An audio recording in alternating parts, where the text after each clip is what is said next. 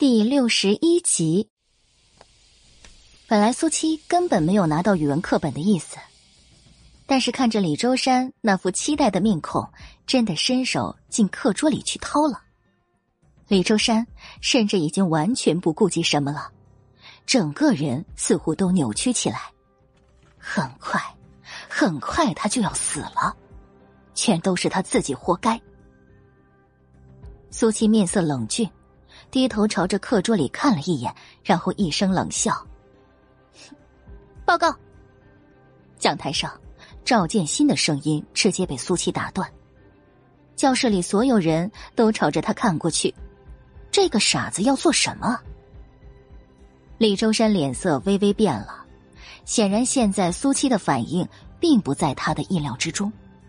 他应该直接尖叫，然后从座位上蹦起来，甚至是瞬间昏倒，绝对不是这样淡定的报告。怎么了？赵静新严肃着表情，苏七依然没有起身的意思。我课桌里有东西。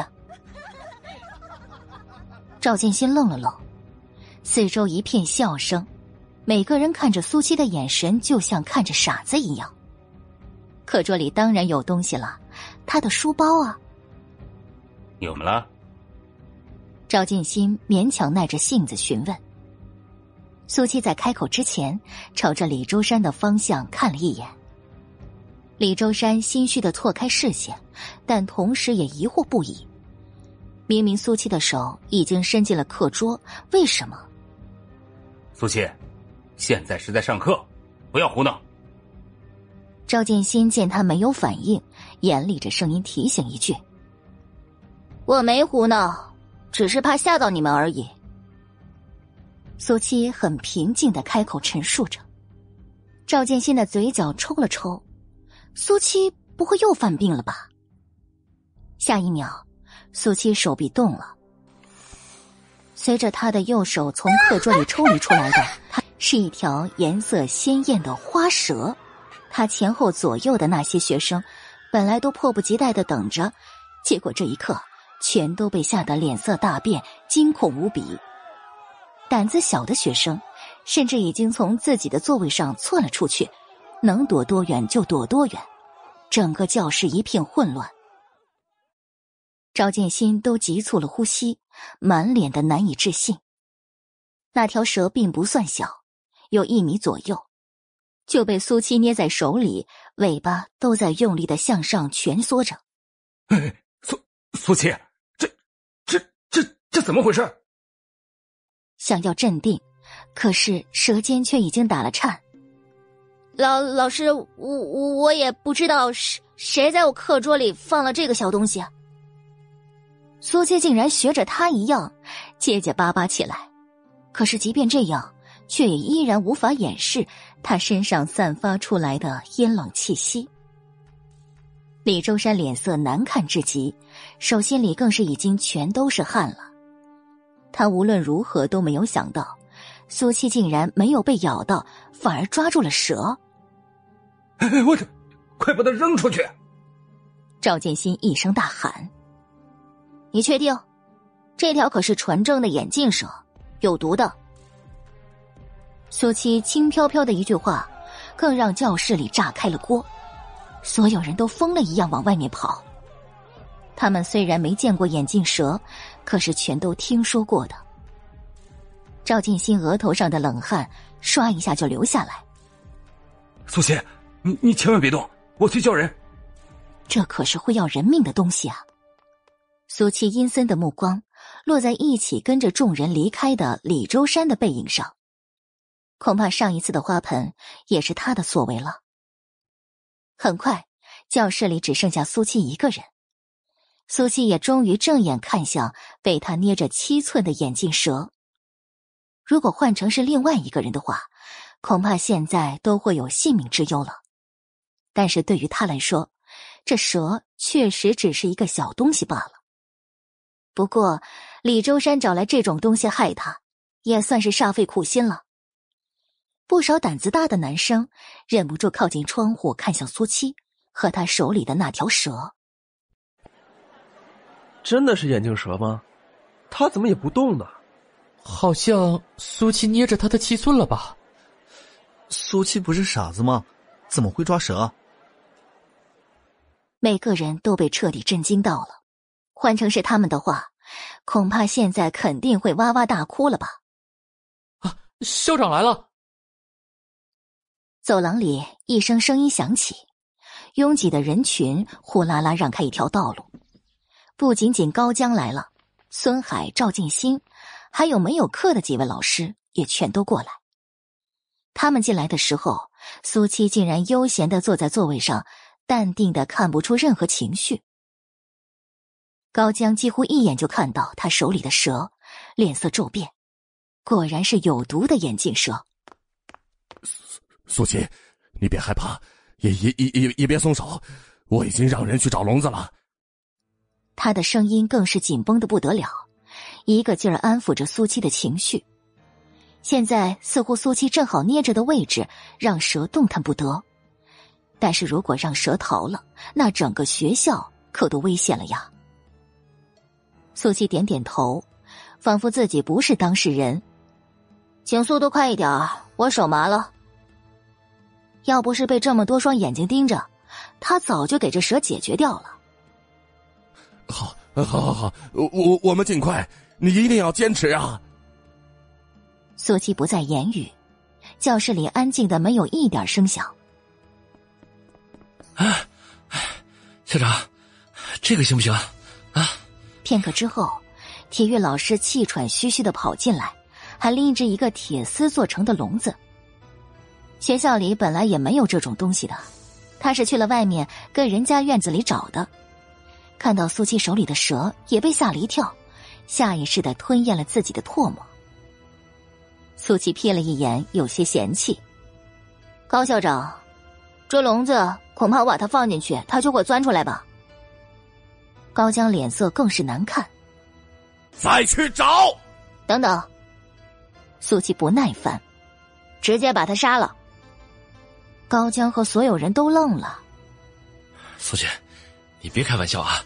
万一被他咬伤了，去拿刀，最好是水果刀。苏七根本不等赵金星后面的话说完，直接命令：“匕首的话，他们也肯定找不到。”赵金星僵在原地，听苏七的。高江竟然答应了。我这里有，就是不知道行不行。旁边的一位老师赶忙把跟钥匙挂在一起的一把折叠的水果刀拿出来，所有人都看向了苏七。行。苏七直接接过，在他动手之前，就连高江都紧张的急促了呼吸。苏七，你你你如果没把握的话，就就别冲动，可以再想想其他办法。苏七面不改色，在一众人瞪大的眼睛下，手起刀落，直接刺入了他的要害。几位老师忍不住一个机灵，看着苏七的眼神彻底变了。而挤在窗外的那些学生，看着缓缓淌下的蛇血，更是汗毛站立，头皮发麻。第六十二集，好了。苏七的声音响起的那一瞬，所有人骤然回神，看着他的眼神全都变了。一条一米长、有剧毒的眼镜蛇。就被苏七这么轻易的给杀了，有没有袋子？有，你要做什么？苏七从一位老师手里接过，然后慢条斯理的把蛇放到了里面。他可是已经好久没有吃蛇羹了。把地上的血渍清扫一下。声音不重，却是命令的口吻。最让人奇怪的是，四周站立的老师竟然没有觉得有什么不对的。仿佛就该如此。苏七，这就可以了。赵建新擦擦额头上的冷汗，从刚开始到现在，他确实是被吓得不轻。可让所有人都没有想到的是，苏七竟然凌厉了表情。当然不是。难道你们觉得这个东西会无缘无故的就正好出现在我的课桌里吗？教室里的气氛。因为苏七的这句质问，顿时低沉的让人窒息。高江更是紧皱眉头。你的意思是有人故意的？这这这不可能吧？其余的老师神色说不出的复杂，这可不是小事啊。但刚刚好就在苏七的课桌里，也确实解释不过去。可不可能，都不是谁随便说说就可以的。报警吧。苏七没有任何犹豫。现在是法治社会，有人想要他死，他当然要找警察寻求庇护。报警不好吧？赵建新满脸的迟疑。事情闹大了，影响的可是学校的声誉，而且真的报警之后，性质可就不一样了。高校长，我觉得是不是可以学校内部调查？赵老师，要不是我刚才误打误撞，现在恐怕都会命悬一线了。难道还是说你是有意想要维护放蛇的人？不等高江开口，苏七强势接上最后一句质问。赵静心呼吸一滞。一张脸顿时涨得通红，急躁不已。当然不是，我怎么会维护那种人呢？他只是单纯的觉得事情是发生在他的班级，不想闹大罢了。况且苏七现在不也好好的？不管学校怎么处置，我这个受害者都是要报警的。谁知道还有没有下次？苏七态度非常坚决，完全没有任何回转的余地。好了好了好了，不要吵了，就按照苏七说的，报警吧。校长高江一锤定音，这件事确实是太恶劣了。站在窗外的那些学生面面相觑，没想到事情竟然发展到这样的地步。不过，难道真的是有人故意放蛇，想要咬死苏七吗？挤在最后面的李周山垂在身侧的双手紧握成拳，整个人都绷得紧紧的。很快，苏七跟在高江他们后面走了出来。你们也都回班级吧，接下来的时间自习。赵建新严肃着声音吩咐着。他也真的很难相信，自己的学生会做出这样的事情。等他们走远之后，高二三班就彻底的炸开了。刚刚苏七徒手杀蛇，那是所有人都亲眼看到的。那条有毒的眼镜蛇在他手里就好像是玩具一样，任他摆布。那个傻子到底什么时候有了这么大的本事啊？很快，下课铃声响起。几分钟之后，这件事就传遍了整个校园。哎，真的假的？苏七，眼镜蛇，吹牛的吧？哎，整个三班都看到了，校长还有好几位老师都在场，能是假的吗？哎，是不是走了狗屎运，正好抓住了呢？嘿呦，那可是眼镜蛇呀！你走个狗屎运试试？而且你敢直接把他给杀了吗？整个校园议论纷纷，都被苏七这件事震惊到了。而此时此刻的苏七正坐在校长室。悠闲的接过高江亲手递过来的水杯。苏七，我刚才看你抓蛇的手法很娴熟啊，还有取蛇胆的时候也很精准，你是从哪儿学来的？一旁的副校长孙海也竖直了耳朵，听着苏七的回答。现在校长室里只有他们三个人，这丫头也不应该有什么隐瞒了吧？我和我妈的生活拮据，我偶尔去山里逛逛，就学了一些。苏七很淡定的解释：“山里这边哪有山呀？”孙海直接戳破了他的谎言：“小山包还是有的。”苏七依然脸不红气不喘的：“你的意思是，都是你自学的？”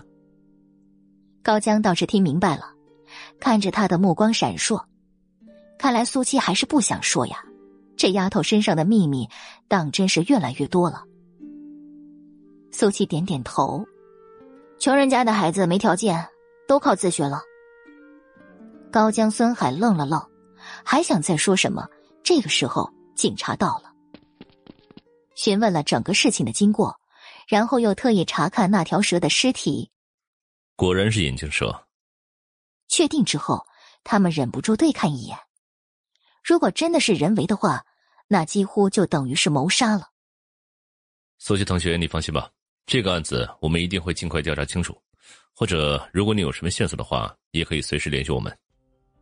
我会的，你们可以着重查一下我们班的李周山，他平常总是针对我，正好我们前两天刚刚发生过矛盾。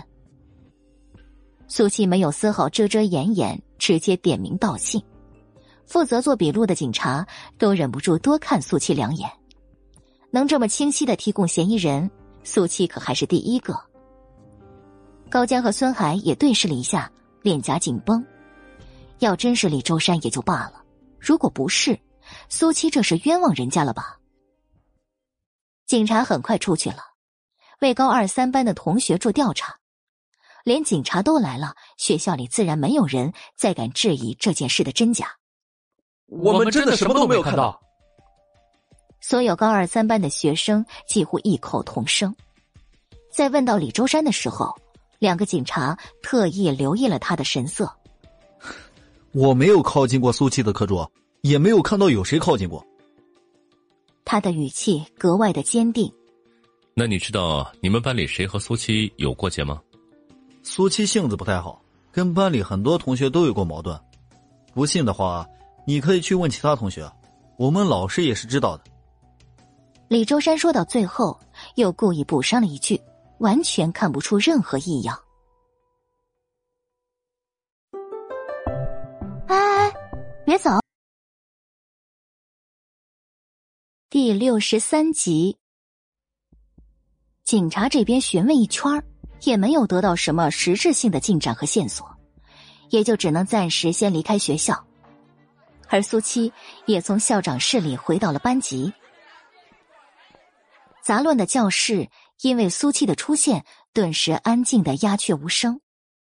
他徒手抓蛇、杀蛇的那一幕，给所有人带来的冲击力实在是太大了。现在每个人看着苏七的眼神都带着几分恐惧。果真是傻子，所以才能无所畏惧吗？万一他一时发疯捅的是人呢？想到这些，不少人都心头发寒。苏七目不转睛，径直走到自己的座位，然后像往常一样趴在课桌上，那副淡定的模样，就好像之前的事情根本就没有发生过。李周山眼角的余光看向他，整个人仿佛被一股阴影笼罩。中午放学铃声响起。李周山第一个离开了教室，这个时候的苏七也睁开了眼睛，朝着后门的方向走过去。李周山似乎格外阴沉，连其他同学打招呼都没有任何回应。直到身后突然传来吴香香的喊声：“李周山，等一下！”李周山的脚步这才停住，扭头朝着吴香香看过去。吴香香以最快的速度来到他身边。你是要回家吗？我们一起。李周山皱着眉头，他们根本就不顺路的，而且他现在不想跟任何人说话。不，一起吧，我有话跟你说。见他要拒绝，吴香香直接打断，看着李周山的目光格外的意味深长。李周山很明显的愣了一下，然后点了点头，两个人一起走出学校。这里是我叔叔家开的茶馆，隔音很好的。二十分钟之后，吴香香把李周山带到一个小包厢里。他们过来的时候，他已经特意留意过了，并没有人跟着他们，所以现在说话是绝对安全的。李周山一言不发，只是盯着他，等他开口。我都看见了，那条有毒的蛇是你放在苏七的课桌里的，对不对？吴香香也没有任何过渡，直奔主题。两人之间的空气顿时凝固。李周山阴森着视线，对他充满了防备和敌意。你别这么紧张。吴香香马上解释一句：“早上，吴香香是第二个到了教室的。当时她过去，正好看到李周山从后门出去。当时他也没有多想什么。”可是后来又过了几分钟，同学们多起来，李周山又佯装是刚刚到了教室，吴香香就觉得纳闷儿，然后就发生了那件事。警察询问吴香香的时候，吴香香可是什么都没说的。听不懂你在说什么。李周山依然否认。那条蛇是他花了大价钱从黑市里买来的，就算是警察也肯定查不到的，所以只要他不承认，谁都不能把他怎么样。难道你没有发现，今天警察已经怀疑你了吗？一定是苏七跟他们说了什么。万一他们要是真找到一些蛛丝马迹，你就是杀人未遂了。吴香香见他还不承认，有些不耐烦，加重了语气。李周山脸色难看无比。李周山，我知道你恨苏七，我也讨厌他。现在事情已经成这样了，你应该想的是该怎么解决才对。吴香香郑重了神色，一副完全为他着想的模样。李周山目光闪烁，你有办法？吴香香点点头，眼底一抹阴霾转瞬即逝。我们可以将计就计。将他彻底赶出学校，不过你必须跟我保证，我帮你这件事不能让任何人知道。傍晚，苏七才刚刚回到大院门口，便有一道人影扑过来。虽然很突然，但是他几乎下意识就做出了反应，一个完美的闪身便避开了。叶小莲踉跄着步子，足足出去十几米，才终于稳住了身子。他呼哧呼哧喘着粗气，看着苏七的眼神，恨不得将他生吞活剥了一样。苏七，你这个贱人，为什么要害我？他疯了一样的咒骂，整个人都狰狞无比。苏七眯了眯眼睛，冷漠了神色。这个时候，叶家父母还有不少街坊们也赶过来。小莲。你冷静一点儿。叶母红着眼眶，最快的速度到他面前，把他抱在怀里。不过，他也看向了苏七，脸上充满了愤恨。妈，你别拦着我，让我让我杀了他！叶小莲剧烈的挣扎着，想要摆脱叶母。几个街坊的脸色也都不太好看。其中一个人压低声音跟苏七开口说着。苏七啊，你快点回家吧，这几天都躲着点叶家人。苏七站在原地，突然一声冷笑：“哼，我为什么要躲着他呀？”街坊们愣了：“你们，你们都看到了吧？就这个贱人，做了那么缺德的事情，竟然还是这样的态度，他，他就该死！”叶小莲气急败坏，咬牙切齿。我做了什么？而且你确定你能杀了我？苏七看着他的眼神里充满了不屑和嚣张。现在可是苏七为刀俎，他叶小莲为鱼肉。叶小莲被刺激疯了，硬生出一股蛮力，冲开了身边的叶父叶母，尖叫着再次对苏七扑过去。苏七脸上一抹冷酷，抬起一脚。叶小莲直接被踹翻在地，叶父叶母傻了眼，周围的街坊们也傻了眼。苏七什么时候这么厉害了？直到叶小莲痛苦的声音响起，他们才意识到，终于回到了现实。小莲，你没事吧？叶母急得掉了眼泪，赶忙去搀扶。叶父愤怒不已，瞪着苏七，本来并不想要把事情闹大的。但是苏七也太欺人太甚了。苏七，小莲到底哪一点对不起你了？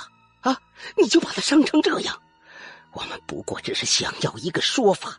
你毁了小莲的订婚，现在又出手伤人，你真的以为我们就不会发作吗？苏七淡淡的瞥了他一眼，明白了什么？你说我毁了他叶小莲的订婚，有证据吗？你看他刚刚那副疯子的模样。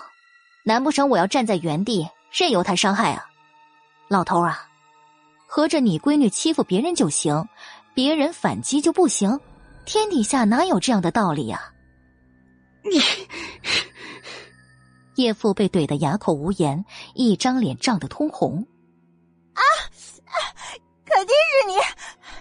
昨天我们都已经说好了的，今天南方啊，就突然反悔了啊！除了你这么想害我，还能有谁？啊啊！叶小莲强忍疼痛，在叶母的搀扶下站起来。虽然他的态度依然强势，但是却不敢主动跟他动手了。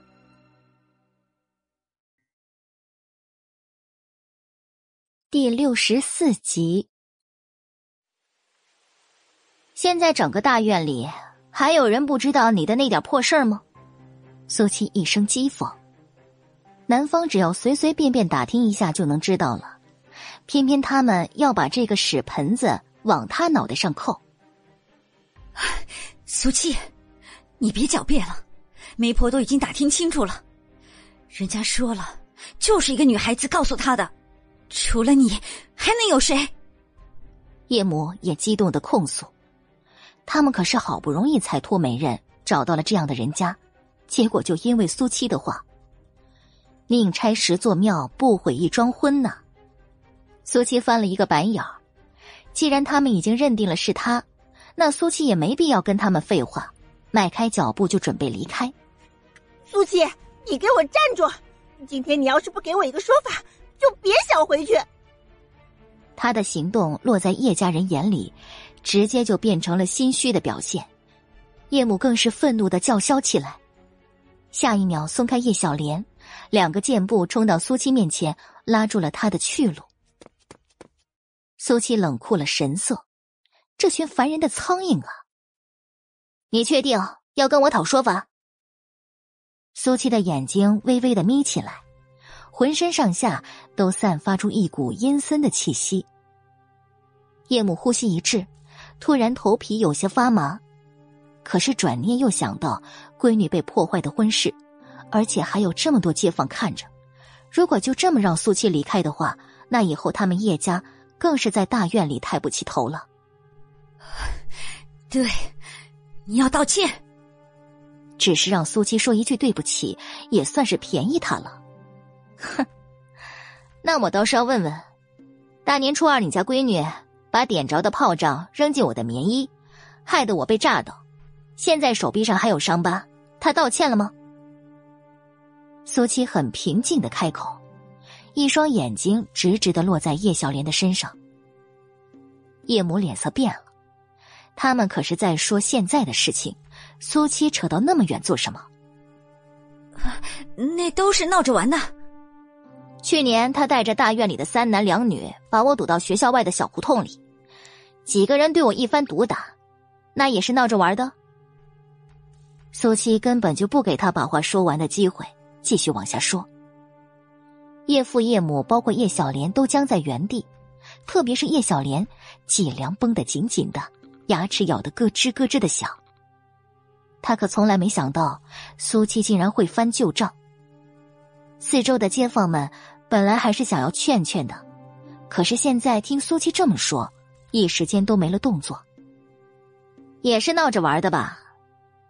当时我胳膊脱臼，一双眼睛整整肿了四五天，浑身的淤青更是半个月才消下去。我倒是想要知道，我是怎么招惹到你的？苏西眼底一抹戾气，对着叶小莲一声质问。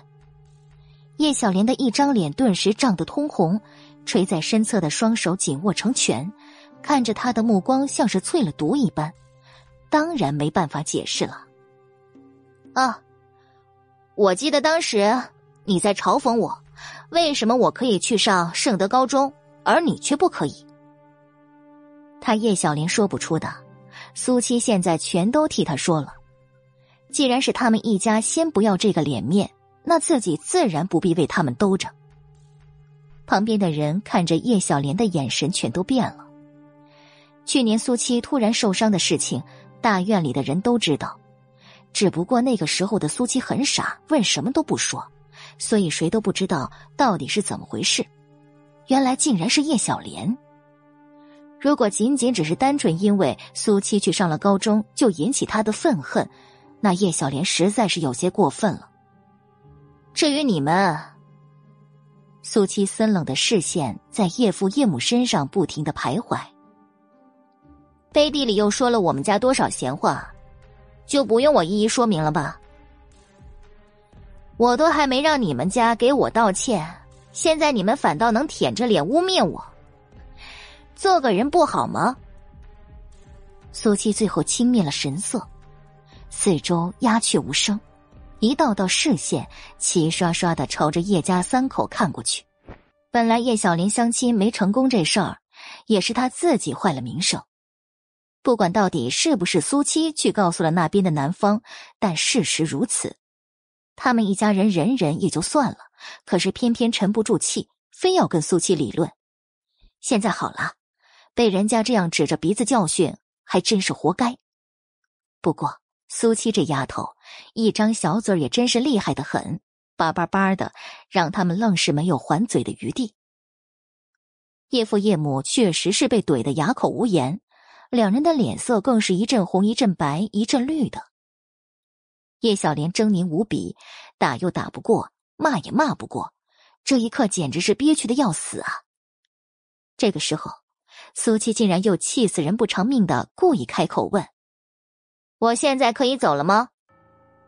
一声揶揄，却完全把他们一家踩在脚下的霸气。叶母张张嘴巴，还想再说什么，却被一旁的妇女拽住了。她压低了嗓子提醒着：“差不多得了，还不嫌丢人吗？”叶母只觉得脸上火辣辣的烧着，就是因为太丢人了，所以才咽不下这口气呀。苏七根本就没有等他们回答的意思，已经迈开了脚步走出人群。看着他挺直的脊梁，明明还是那么单薄的身子，可是却给所有人的感觉却都不一样了。他是他，可是又不是他了。苏七回到家里，并没有把叶小林的事情放在心上，留着他。等他什么时候不开心了，还可以从叶小林身上找找乐趣。他现在还就是有了一种越是看不惯他，就越是干不掉他的恶趣味。打开书包，从里面拿出装着蛇的袋子，忍不住吞了吞自己的口水。晚饭就是他了。七七，我刚才回来，听他们都在说。叶小莲相亲对象突然就不愿意的事儿，还说你跟他们家起了冲突，没事儿吧？冯秀气喘吁吁的回到家里，第一件事就是不停的朝着苏七打量着，生怕他受了委屈。我没事，他们可没有把我怎么样的本事。苏七的话语带着几分嚣张，让他坐下来休息。大院里面传闲话的速度可真是无与伦比了，冯秀这才松了口气。随后，他小心翼翼的问苏七：“让他跟自己说实话，那个人确实不是他吧？”这些日子，他的性子似乎越来越古怪了，他根本就琢磨不透自己的闺女心里到底在想些什么。第六十五集，我没那么无聊。冯秀会这么问，也在苏七的意料当中。他可是最在意跟大院里这些人的关系了。冯秀听他这么说，总算是松了口气。只要苏七没做就好，身正不怕影子斜。那你跟叶家人，我这不是好端端的，误会解释清楚了。这些您就不用担心了。苏七不等他话说完，直接打断。冯秀看着苏七，目光闪烁。他是真的长大了很多，以前不管发生什么事，可都是胆小害怕的。七七，这是什么味道啊？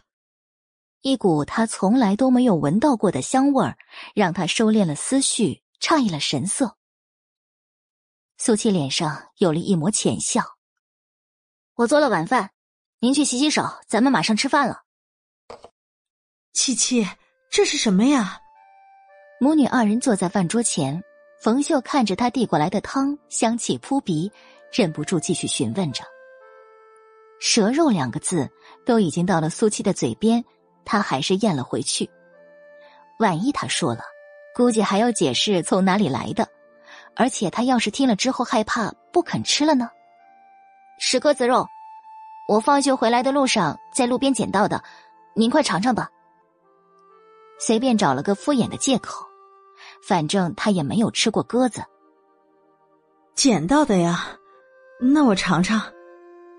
冯秀完全没有怀疑，直接吃起来，细嫩的口感简直就是一种享受。苏七始终看着他的表情，好吃吗？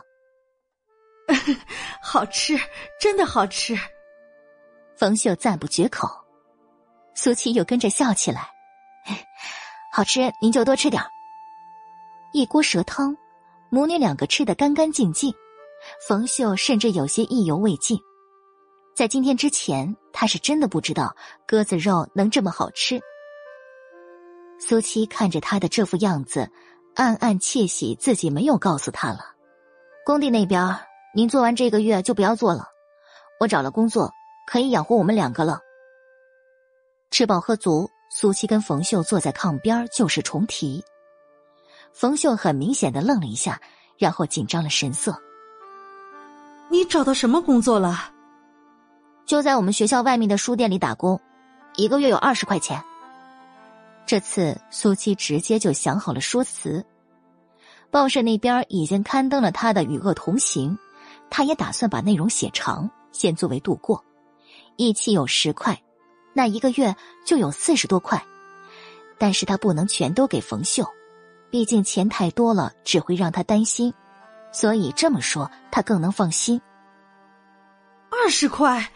那么多，即便是这样，冯秀还是被他说出来的数字吓到了。他在工地做小工，累死累活，一个月也才十几块钱而已。老板娘人好，她知道咱们家的情况，所以特别的给我的好待遇。苏七继续解释：“那你上学怎么办？”冯秀确实有心动，但更多的却是担心。毕竟他的情况能给人照看好书店吗？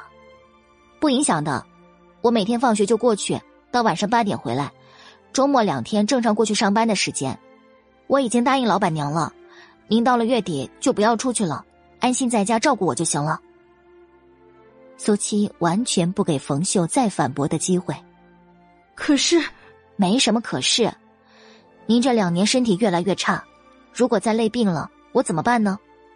再说，我现在都已经找到正经的工作了，总不能一辈子在您的庇护下活着吧？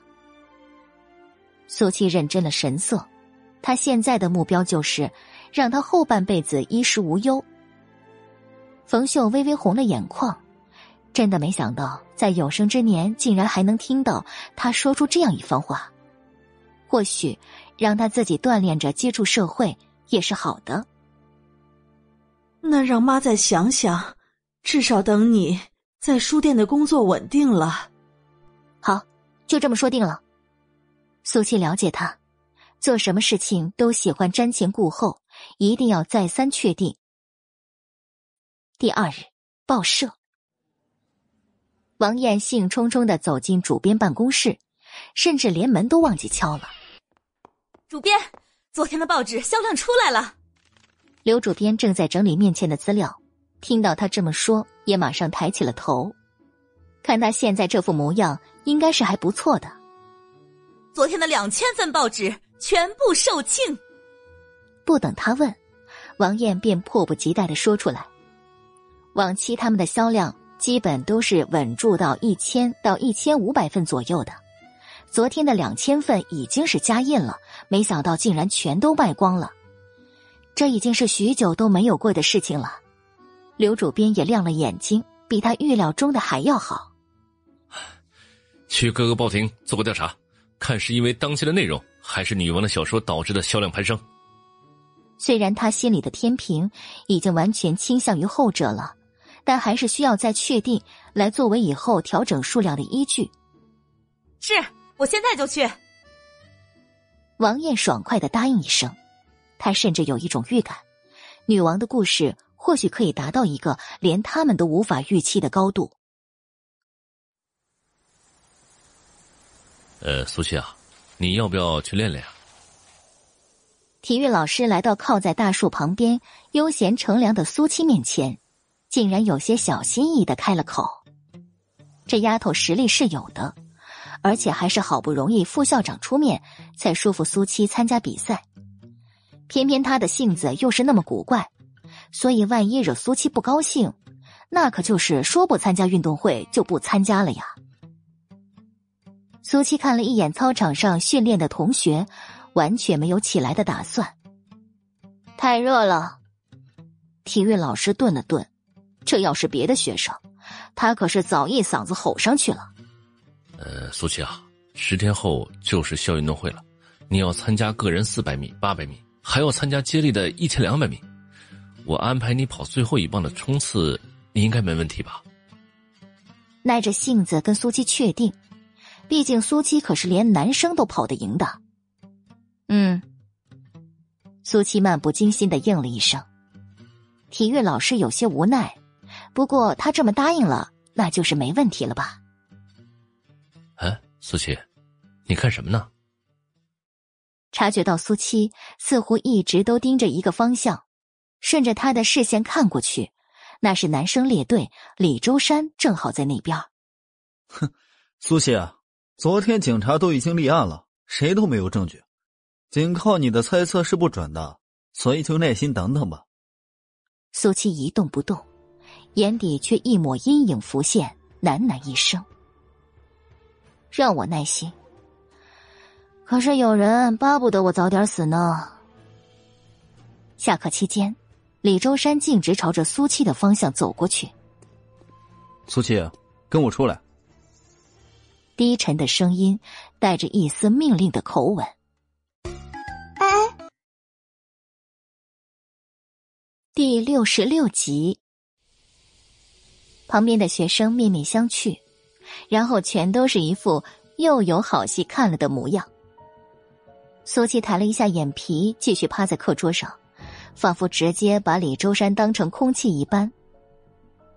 李周山眼底一抹阴霾：“苏七，我跟你说话呢。”加重了音量，重复一遍：“没时间。”苏七纤纤嘴角扔出一句：“李周山急促了呼吸，看着他的目光阴森无比，想要发作。可是这个时候，不远处的吴香香却给他一个提醒的眼神。李周山目光闪烁，强忍怒火。反正他都已经要死到临头了，他再容忍苏七几分钟。苏七，跟我去校长室，高校长让我来叫你的。”压抑的气氛随着几秒后苏七直起身而化解几分。李周山完全不等他，直接转身朝着教室门口走出去。已经告诉了苏七是高校长找他，苏七绝对不敢违背校长的意思的。果然，苏七很快走了出去。哎，高校长找他干什么？难道是昨天的案子有进展了？两人前脚刚一离开，教室里面便又开始议论纷纷了。香香，你说这到底是怎么回事啊？吴香香同桌的女生也沉不住气，忍不住询问起来。而且，怎么是李周山来喊的苏七呢？吴香香摇摇头：“我怎么知道呢？”伴随着她的话音一起落下的是眼底一抹得意的冷笑。这次一定能把苏七这个傻子赶出学校了。报告，进来。李周山听到里面传来高江的声音，这才推开校长室的门。他是几分钟前才从这里离开的，可是看到校长室里面多了一个人的时候，还是很明显的愣了一下。高江、孙海，包括他们班的班主任赵建新都在。还有一个身材佝偻的老汉，这个他是知道的。但是现在除了他们四个人之外，旁边的沙发上竟然还坐着一个男人。男人看起来二十四五岁的年纪，一身出尘的气质即便是坐着，也无法让人忽视他完美修长的身躯。这样一个男人，就算李周山不认识他，也能清楚的感觉到他的身份高贵。你怎么在这里？这个时候，身后苏七清冷的质问声，终于让他回神。他下意识的回头看向苏七，而苏七也已经来到他的旁边。他看着的就是那个男人，所以苏七和那个男人竟然认识吗？这个念头让李周山不由得紧绷了几分。苏七同样的诧异，看到立业，整个人都不好了。明明他在过来的时候已经大致知道了会是什么事情，但是却绝对没有想到狗男人竟然也在。难道狗男人跟李周山？周末，立业淡淡开口，只有两个字。苏七目光闪烁，马上想到周末老太太生日宴上，让他过来学校看看苏七的情况，所以，他有必要那么听话吗？那你可以走了。苏七不耐烦的催促，这种时候立业在这里只会让他麻烦。高江、孙海、赵建新三人齐齐变了脸色，他们可都是知道立业的，别说是在这个县城里，就算是整个省城都没有谁敢这样的语气跟他说话。高江因为知道他和立业的关系，所以虽然也很震惊，但还是能够保持面上的冷静。可孙海、赵建新就不一样了，在他们看来，苏七和立业完全不是一个世界的人。但是现在，苏七竟然这样的语气嫌弃了立业，两人忍不住倒吸了一口凉气，甚至已经做好了接下来立业会发作的准备，同时也为苏七掬了一把同情泪。李周山不知道怎么回事，可是变得僵硬的气氛。他还是清清楚楚的感受到，不过这些他根本不关心，只想着接下来要发生的一切。苏七啊，别这么没礼貌，而且厉先生才刚刚过来，我们还是先解决眼前的事情吧。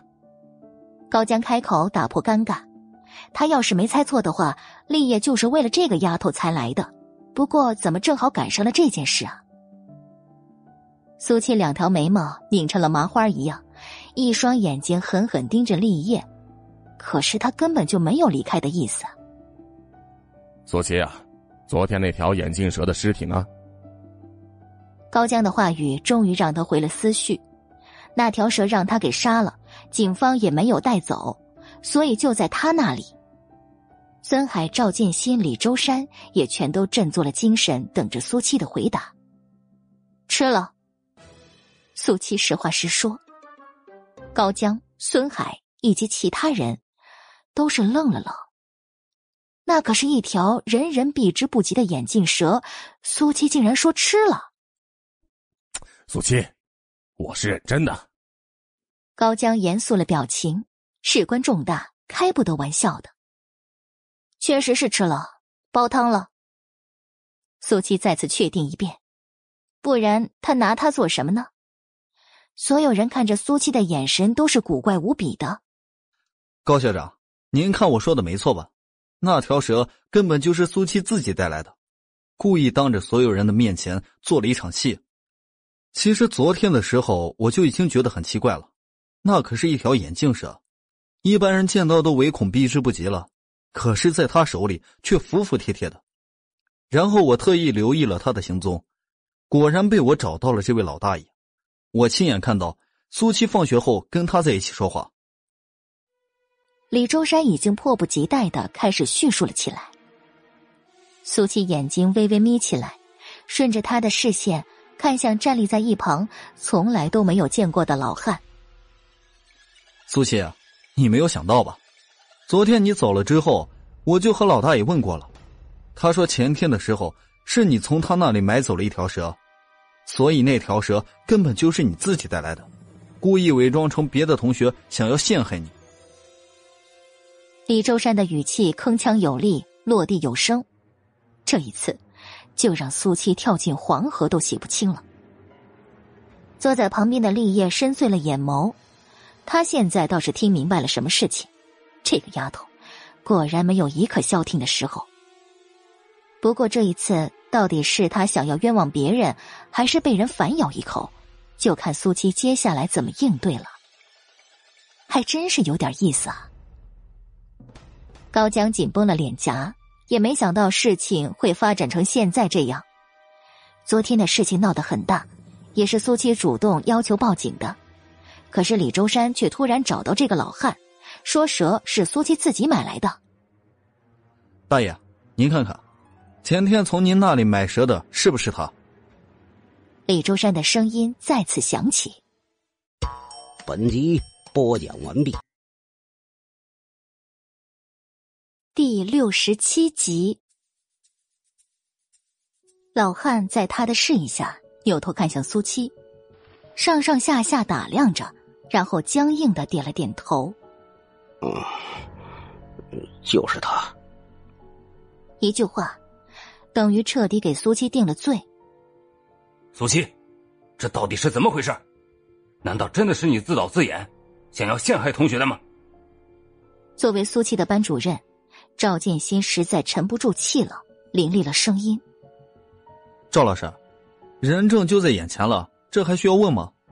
而且他也肯定不会承认的。”还没等苏七回答，李周山抢先一步。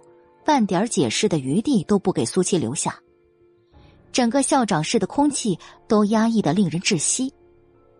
李周山，你也冷静一点，还是要听听苏七自己怎么说嘛。高江反而多看了李周山一眼，提醒着他。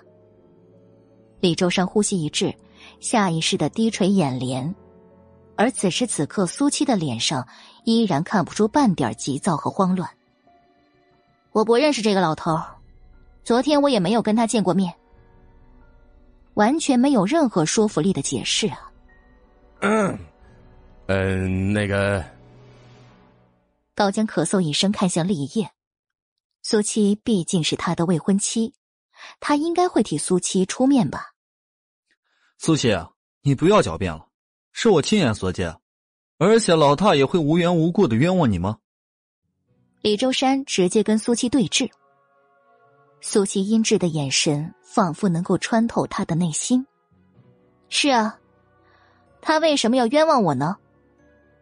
李周山竟然忍不住的心虚起来，慌乱的错开跟苏七对视的目光。因为大爷说的全部都是真的。哼，苏七一声冷笑，李周山眉头紧皱。你笑什么？他实在不喜欢现在这个样的苏七啊，即便什么不做，也会让他觉得压力十足。而苏七却已经不再看他，转而看向了老汉。你说是我从你那里买来的蛇？老汉点点头。啊，是。那蛇是什么样子的？嗯，嗯，一米左右的眼镜蛇，是我无意中抓到的。然后带到黑市，想去换点钱的，然后正好就被你给买走了。老汉没有任何迟疑，显然早就已经提前准备好了说辞。高江和孙海他们的脸色都变得很难看，难道真的是苏七自导自演了？李周山强忍着心头喜悦，脸上却悲愤交加。苏七啊，以前我只觉得你是个傻子。但是没有想到，你竟然恶毒到了这种地步，高校长，孙副校长，学校里怎么能容忍这样的毒瘤存在？这……孙海阴沉了脸看向高江，高江却是沉了口气，凝重的声音开口问：“苏七，你还有什么能够证明自己的吗？”所有人都朝着苏七看过去，人证凿凿。他就算有八张嘴，都解释不清了吧？立业依然平静的坐着，没有任何想要帮他的意思。能不能让我单独跟这个老头说两句？苏七的话让李周山的神经瞬间紧绷。不行，谁知道你会不会用什么下作的手段对付大爷？苏七不怒反笑，我不离开你们的视线。李周山很明显的愣了一下，他他到底想要做什么。高江这个时候开了口了：“给你五分钟，不过就在这里说吧。”苏七扫了一眼整个校长室，然后示意老汉跟自己往门口的角落里走。老汉也不知道他什么意思，下意识的朝着李周山看了一眼。李周山对着他点点头。校长室就这么大，他就算是缩到边边他们也能听得到的。很快，老汉按照苏七的意思站在墙角，面对着众人。而苏七就好像是寻常聊天一样，跟他面对面的站着，可是他的角度却正好避开所有人的视线，他们看到的只是苏七的后背。你这丫头，还想让我说什么呀？老汉的声音很明显的紧张了几分。他收李周山的钱的时候，可没说这么麻烦的。我只是要让你说真话而已。苏七的语速突然很慢，可是并没有刻意压低，所以高江他们都可以听得清清楚楚。我说的都是真话，你这个闺女就承认了吧？老汉已经心浮气躁了。我没有做过的事情，为什么要承认？你看着我的眼睛，再说一遍。苏七的话让李周山心里嗤笑一声。傻子就是傻子，以为装诚恳卖可怜就能改变结果了吗？高江叹了口气，无奈的摇了摇头。在他们听起来，这样的对峙简直没有任何必要。几个人全都只顾着两人说话的内容，却根本没有留意到苏七突然改变了语气和语速。唯有立业收敛了神色，稍微坐直了身子，探究了眼神。可是他现在的位置，根本看不到苏七的脸。老汉微微一愣，直勾勾的盯着苏七，看着我的眼睛，摸摸你自己的良心，告诉所有人，你到底见过我吗？苏七的声音依旧继续，老汉却僵在原地一动不动，四周的气氛变得说不出的奇怪，不知道为什么。李周山突然就有了一股不祥的预感。老头为什么犹豫了？他该马上回答的。下一秒，老汉终于开了口了：“我我没见过你。”虽然有些磕磕绊绊，但表达的却很清楚。高江诧异了神色，孙海、赵建新更是惊愕不已。是他们听错了吗？这老头怎么突然就改口了？你没有见过我，为什么要污蔑我？说我从你那里买了蛇？说。苏七到了最后，语气更是霸道无比，气势十足。老汉呆滞的目光直接落在他身后不远处的李周山身上。是是他。昨天找到我，给我十块钱，让我今儿过来，说只要我说一个叫苏七的女学生从我这里买了蛇，然后……李周山脸色骤变，难以置信，冷汗更是顺着额头刷一下流下来。这老头他疯了吗？怎么能被傻子这么问两句就什么都说了？除了李周山，还有谁？说。苏七低沉了声音，犹如一道红钟砸在老汉的耳中。第六十八集。嗯，没有别人，呃，只有小伙子一个。老汉对苏七的问题简直是知无不言的，而其他人依然没有回神过来。苏七沉了口气，脸上一抹阴霾。只有李周山一个人，显然让他很不满意。好了，你可以走了，以后都不要再做这种事情。该问的都问了，而且这些人也都应该听清楚了。再让他留下，就很容易会让那个狗男人看出问题了。果然，老汉没有再多说一个字，直接从身侧的门口走出去。李周山急了眼。唯一的念头就是要拦住老汉。苏七当然不会让他如愿，转身就挡在他面前。怎么，刚才这老汉说的还不够清楚吗？还是你想要用什么下作的手段让他继续污蔑我？清冷的声音让人不寒而栗。李周山目光剧烈的晃动着，手背上的青筋都在突突的跳动。这分明是他刚刚说苏七的那些话。你，你到底用了什么邪魅妖术蛊惑了大爷？这一刻，李周山觉得自己的三观都崩塌了。这老头前一秒还好好的，结果被苏七两三句话就说的改了口。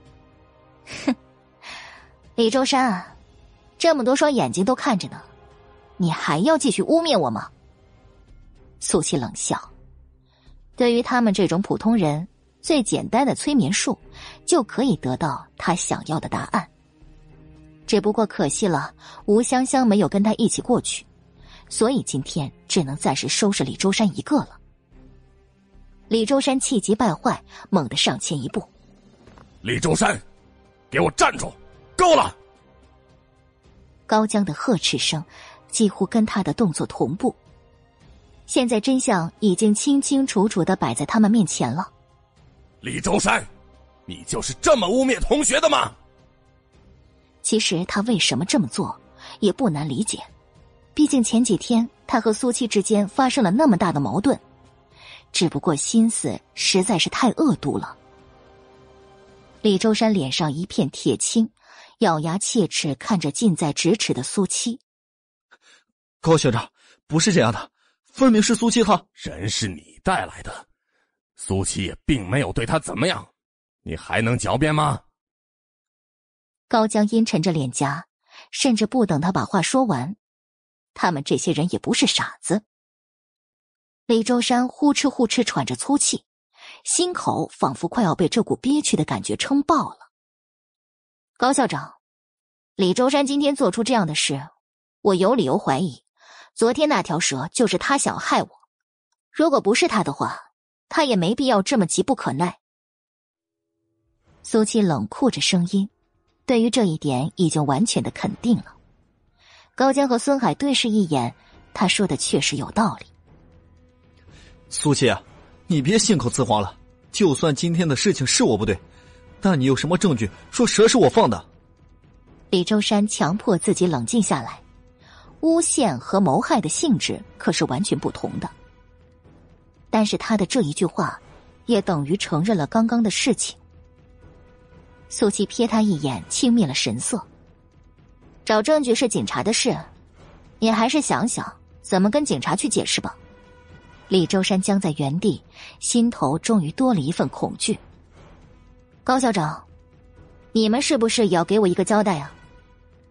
苏七很淡定的看向高江。高江长出一口气，在苏七的注视下点点头。先不说那条蛇，就是今天李周山的所作所为，也已经不仅仅是道德问题了。李周山慌了神，急躁的开了口：“高校长，您听我解释啊，我，我就是因为一时气愤不过，脑袋一热，所以才做错了事情，下次绝对不会这样了。”李周山，你不是十几岁的孩子了，怎么能因为跟苏琪之间的一点过节，就做出这样的事情呢？啊，你对得起平常我对你们的教导吗？对得起你的父母吗？你真是太让我失望了。不等高江说话，赵建新已经痛心疾首。比起李周山，他更宁愿出问题的是苏七，毕竟前者是他寄予厚望的学生。赵老师，对不起，我知道错了，但是昨天的事情真的与我无关。李周山根本没有想过事情会发展成这样，求救的目光看向赵建新。赵建新虽然心痛。但这件事最后做决定的是校长高江。况且以苏七现在的脾气性子，也肯定不会轻易的善罢甘休的。最重要的是，立业也在这儿，在他心里早已经把立业和苏七划分到了一个阵营了。行了，李周山，你先回去，等着学校的处理结果。高江直接命令，李周山张张嘴巴，还想要为自己争取，但是四周压抑的气氛还是让他闭上了嘴巴，迈开了腿。高校长，还请你给警察局那边打个电话，把刚刚的事情一五一十的跟他们说一下。他才走到门口，苏琪高调的话语便从李周山的身后响起。李周山的脸上一片死灰，握住门把手的右手骨节泛白。明明是想将计就计，把苏琪赶出学校，可是没想到最后反而被毁的是他自己。为什么会这样？校长室的门被重重的关上，发出一声刺耳的声响。高江忍不住朝着立业看过去，觉得无比尴尬。没想到，正好他看到了这样的一幕。赵建新已经手心是汗了。苏七和李周山可都是他的学生。孙海，去你办公室商量一下李周山怎么处理。李烨，你在这里和苏七说话吧。高江主动把自己的办公室让出来，人家未婚夫妇肯定是有话要说的。孙海和赵建新也连忙点点头，很快三人一起走了出去。苏七想了想，如果不是刚刚高江那句话，他可是早就先他们一步走了。他和狗男人可没什么好说的。只剩下他们两个人的校长室，安静的没有一点声响。苏七清清楚楚的感觉到来自立业审视的目光。他对那个老头用了催眠术，但是特意背对着立业，立业应该看不出来的。片刻之后，做好心理建设，这才扭头看向立业。我知道你是因为老太太的原因才会过来。那天我说的，只是想让你奶奶嫌弃我罢了。至于我在学校一切都好，以后你就不用特意过来了。不等立业开口，苏七直接挑明话题，先发制人。哎。第六十九集，一切都好。立业淡淡开口，简单四个字，结合刚刚的情况，听起来似乎是在关心苏七，可是那质疑的语气，分明又带着一丝说不出的嘲讽。苏七翻了一个白眼，他用得着这样阴阳怪气的？刚才怎么回事？立业突然严肃了表情，一双凌厉的眸子落在他的脸上，似乎能够看穿他的内心。苏七心里咯噔一下，你没听明白？那个李周山跟我有过节，故意花钱找人来诬陷我，想要把我赶出学校。不过这事跟你没有多大的关系，反正除了高校长之外，没人知道我们的关系。苏七明明知道。立业是在问什么，故意偏开话题。立业的眼神更是深邃了几分。那个老汉儿，他对你做了什么？苏琪目光一厉，直接对上他的视线。果然，他还是看出来了，他做了什么，绝对不是普通人能够看出来的，甚至是想到的。就好比高江他们完全没有任何质疑，难道？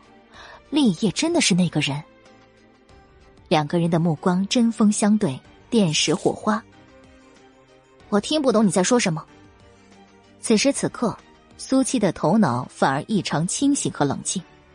现在的他跟以前的他没有半点相似之处。只要他自己不透露，他就算是真的是那个人，有千万个怀疑，也绝对想不到苏七就是那个他。这是他现在唯一的优势和底气。什么人可以三言两语就让一个人改变了口风？立业继续开口试探，看着苏七的眼神充满了危险的气息。他到底是小瞧了苏七？苏七身上一定隐藏着什么不可告人的秘密。苏七只觉得被立业的视线笼罩，有些喘不过气。他实在不喜欢这种在气势上被压的感觉。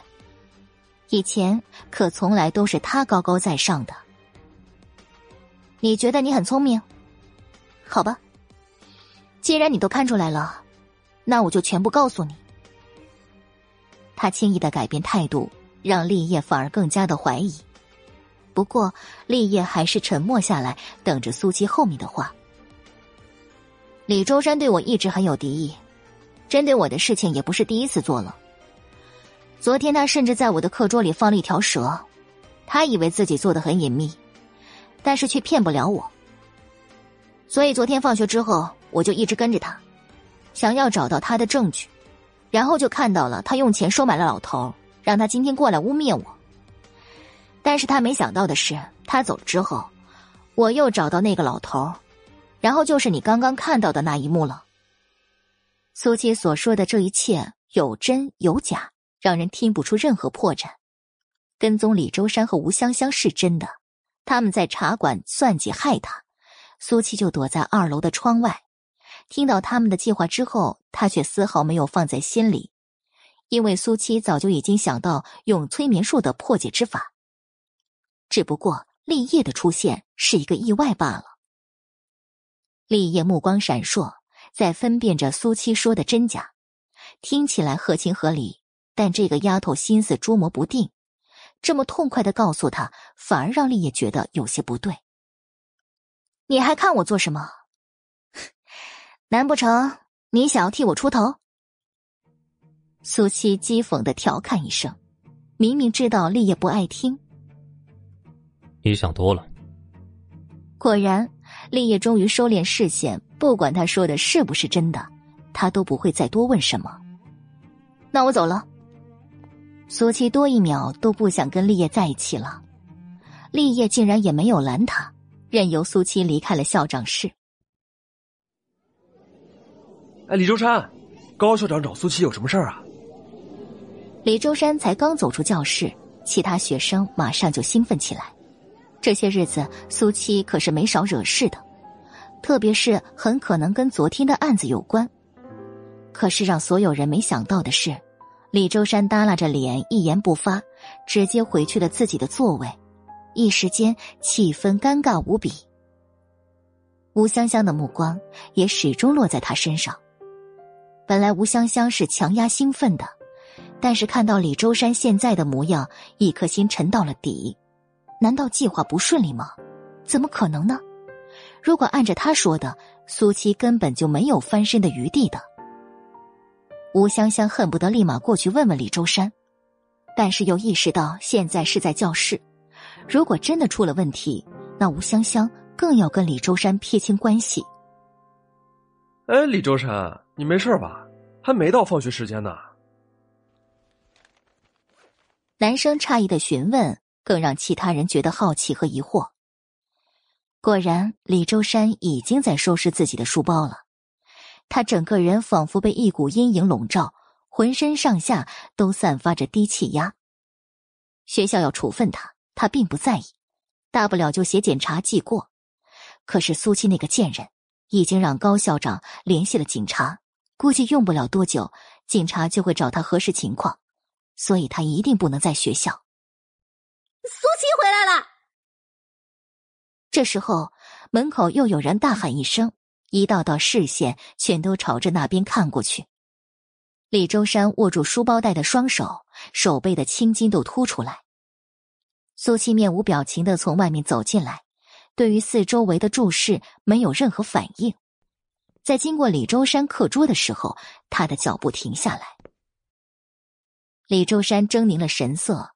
紧接着，苏七的声音响起：“蠢。”他说“蠢”一个字，却对李周山讽刺到了极点。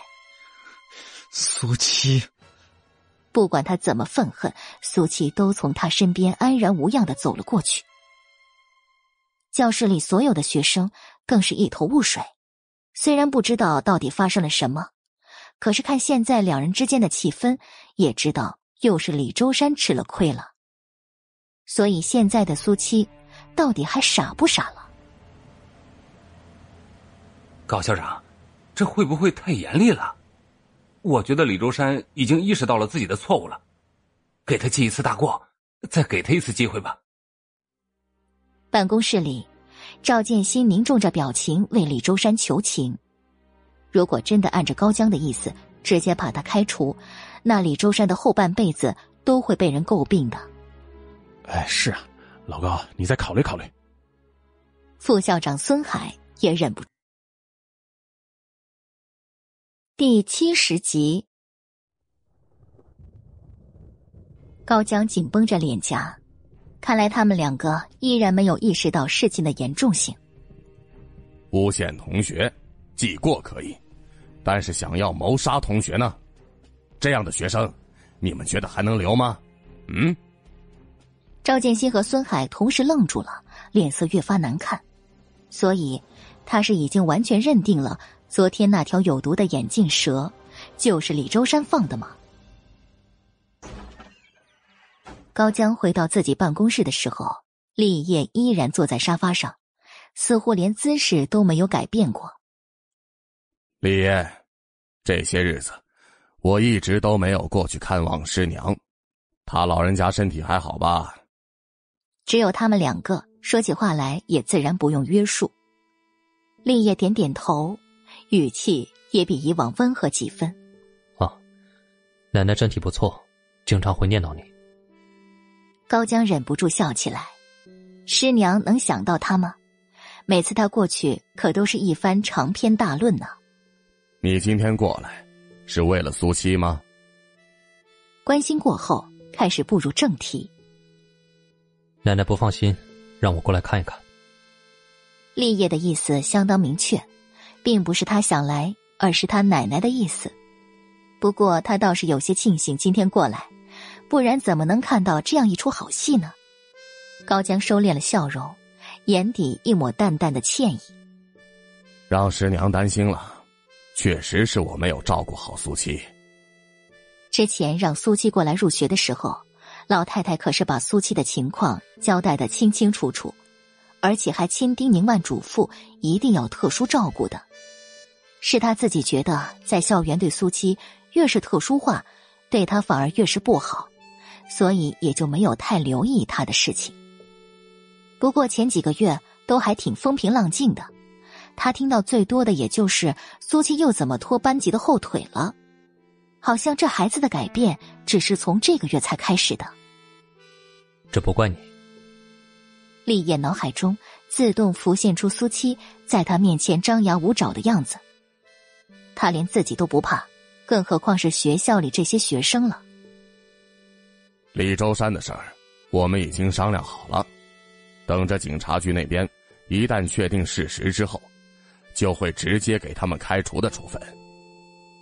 高江说到这儿，稍微停顿一瞬，然后又补上下面一句：“不是因为他针对的是苏七，而是他的行为实在是太恶劣了。”告诉立业，这绝对不是因为厉家的关系，立业没有老太太的反应。高校长，我想知道这些日子苏七在学校的表现。高江很明显的愣一下。自从苏七上学到现在，也有差不多半年的时间了，所以他对苏七可都是不闻不问的。怎么现在突然？苏七啊，这几天变化确实很大。思索片刻，还是决定实话实说。毕竟立业是苏七的未婚夫，有权利知道苏七在学校的生活。呵切！课堂上，苏七的一个喷嚏。打断了数学老师的讲课，他漫不经心的揉了揉鼻子，肯定是谁在背后说他的坏话呢。数学老师看了苏七一眼，神色复杂，不过下一秒好像什么都没有发生，继续刚刚的话语：“吴香香、刘春燕、李涛，你们三个上来把这个题做一下。”被点名的三个人马上从座位上站起来，朝着讲台的方向走过去。苏七睡醒了，难得第一次看了前面。虽然只是他的一个小动作，可是数学老师却瞬间看在眼里，没来由的心头一喜。苏七的视线却是追随着吴香香。会咬人的狗不叫，就是吴香香这种人了。在他的记忆里。可是跟这位人美心善的班花没有过任何冲突和交集的。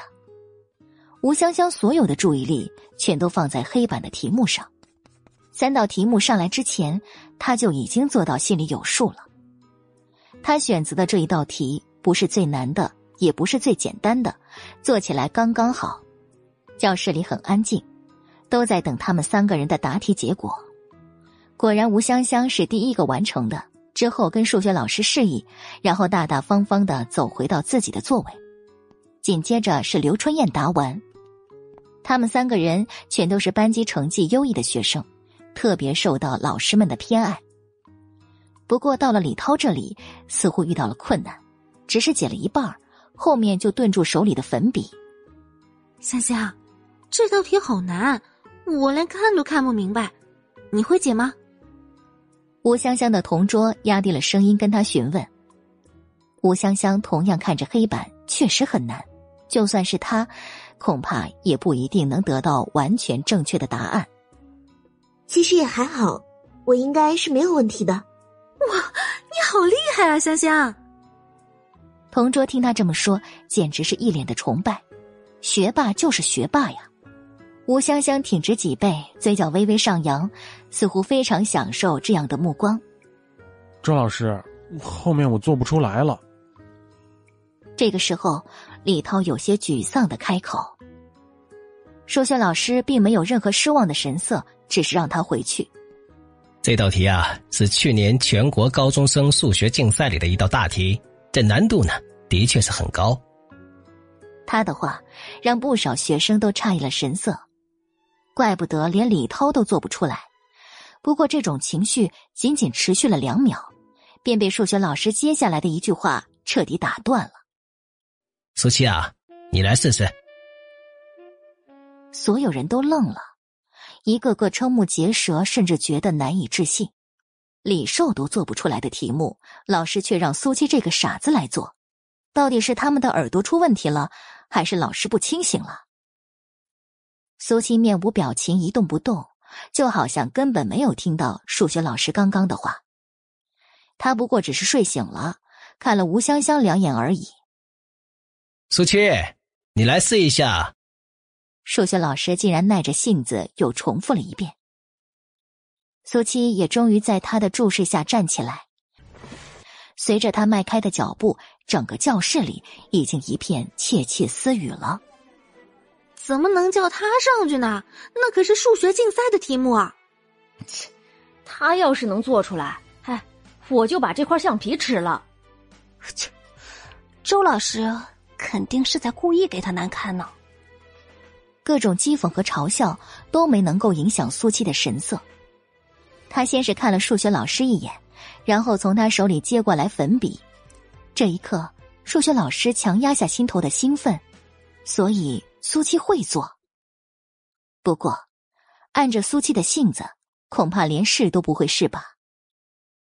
一双眼睛紧紧的盯着苏七。订阅评论第七十一集。苏七开始解题，并没有擦掉李涛前面写的那些，而是自己另起一行。教室里的声音随着他的动作逐渐小下去，最后彻底安静。一排排的数字从他的粉笔下不停的闪现，他甚至没有一点停顿，犹如行云流水一般，直到最后答案出现。所有学生都瞪大了眼睛。如果之前是意外、怀疑和讽刺，那现在这一刻，除了震惊之外，再无其他。苏七真的做出来了。教室里鸦雀无声，死一般的寂静。或许苏七做的答案并不对。已经有不少人开始在心里否定。苏七将粉笔丢进粉笔盒里，然后走下讲台。数学老师始终看着黑板，这个时候终于回过神来。兴奋的视线看着苏七的身影，似乎在思索着什么。好的，那下面同学们来跟着我看一看苏七同学刚刚解开的这道这道题目啊。不知道是不是所有学生的幻觉，他说到苏七名字的时候，语气都比以前要温和了许多。每个人都紧张的竖直了耳朵，等待着结果。吴香香的脸色分外难看，因为她已经可以肯定这个答案是正确的了。嗯。苏七同学给出的解法是相当规范呐，就是这道题的正确解法。果然，下一秒数学老师就给出了肯定的回答。教室里的气氛顿时变得无比诡异，不少人都忍不住朝着苏七看过去。这怎么可能啊？苏七可是每一次数学考试都只得几分的那个学生啊！就算上一次考试。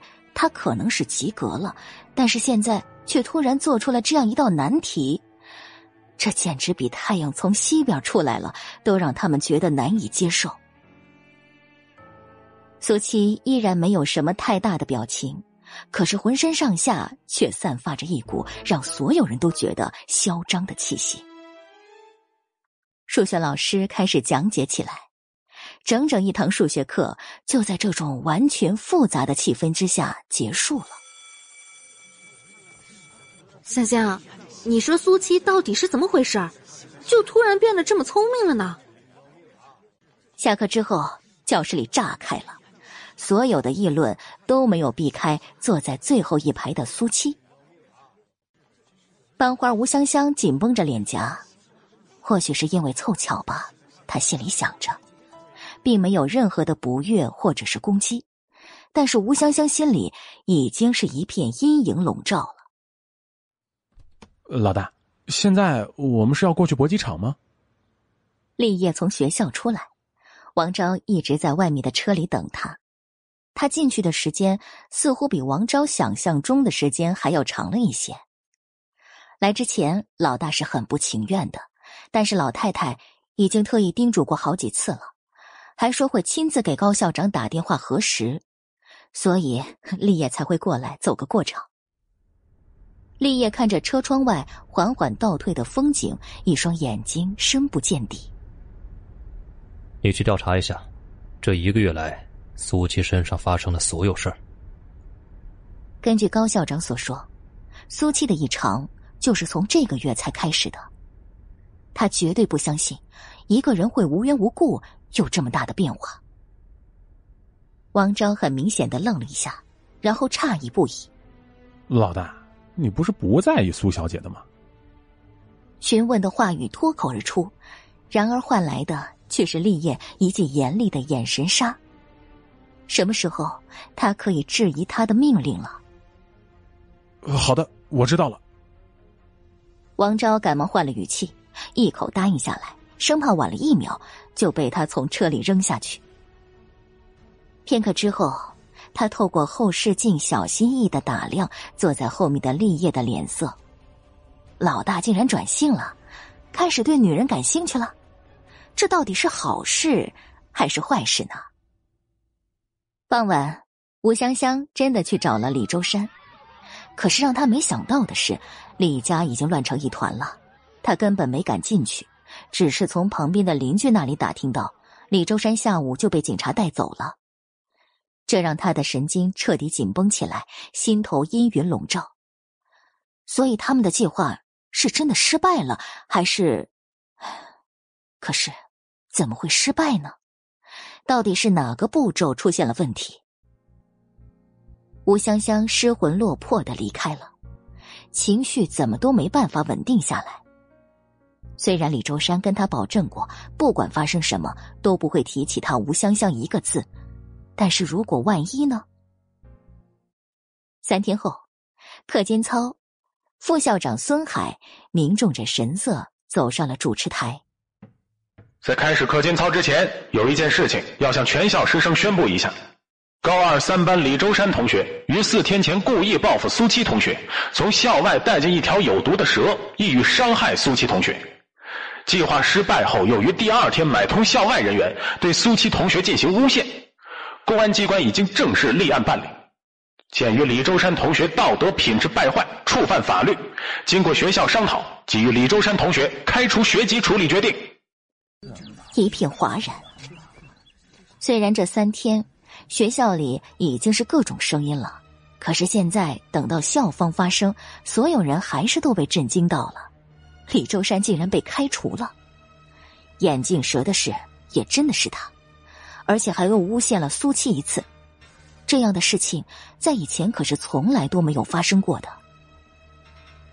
赵静心站在讲台不远处，只觉得脸上火辣辣的烧着。教书育人十几年，没想到现在有了这样的污点。高二三班的学生神色一个比一个都还要复杂。吴香香更是低垂着眼帘，整个人都阴郁的不得了。虽然他已经做好了心理准备。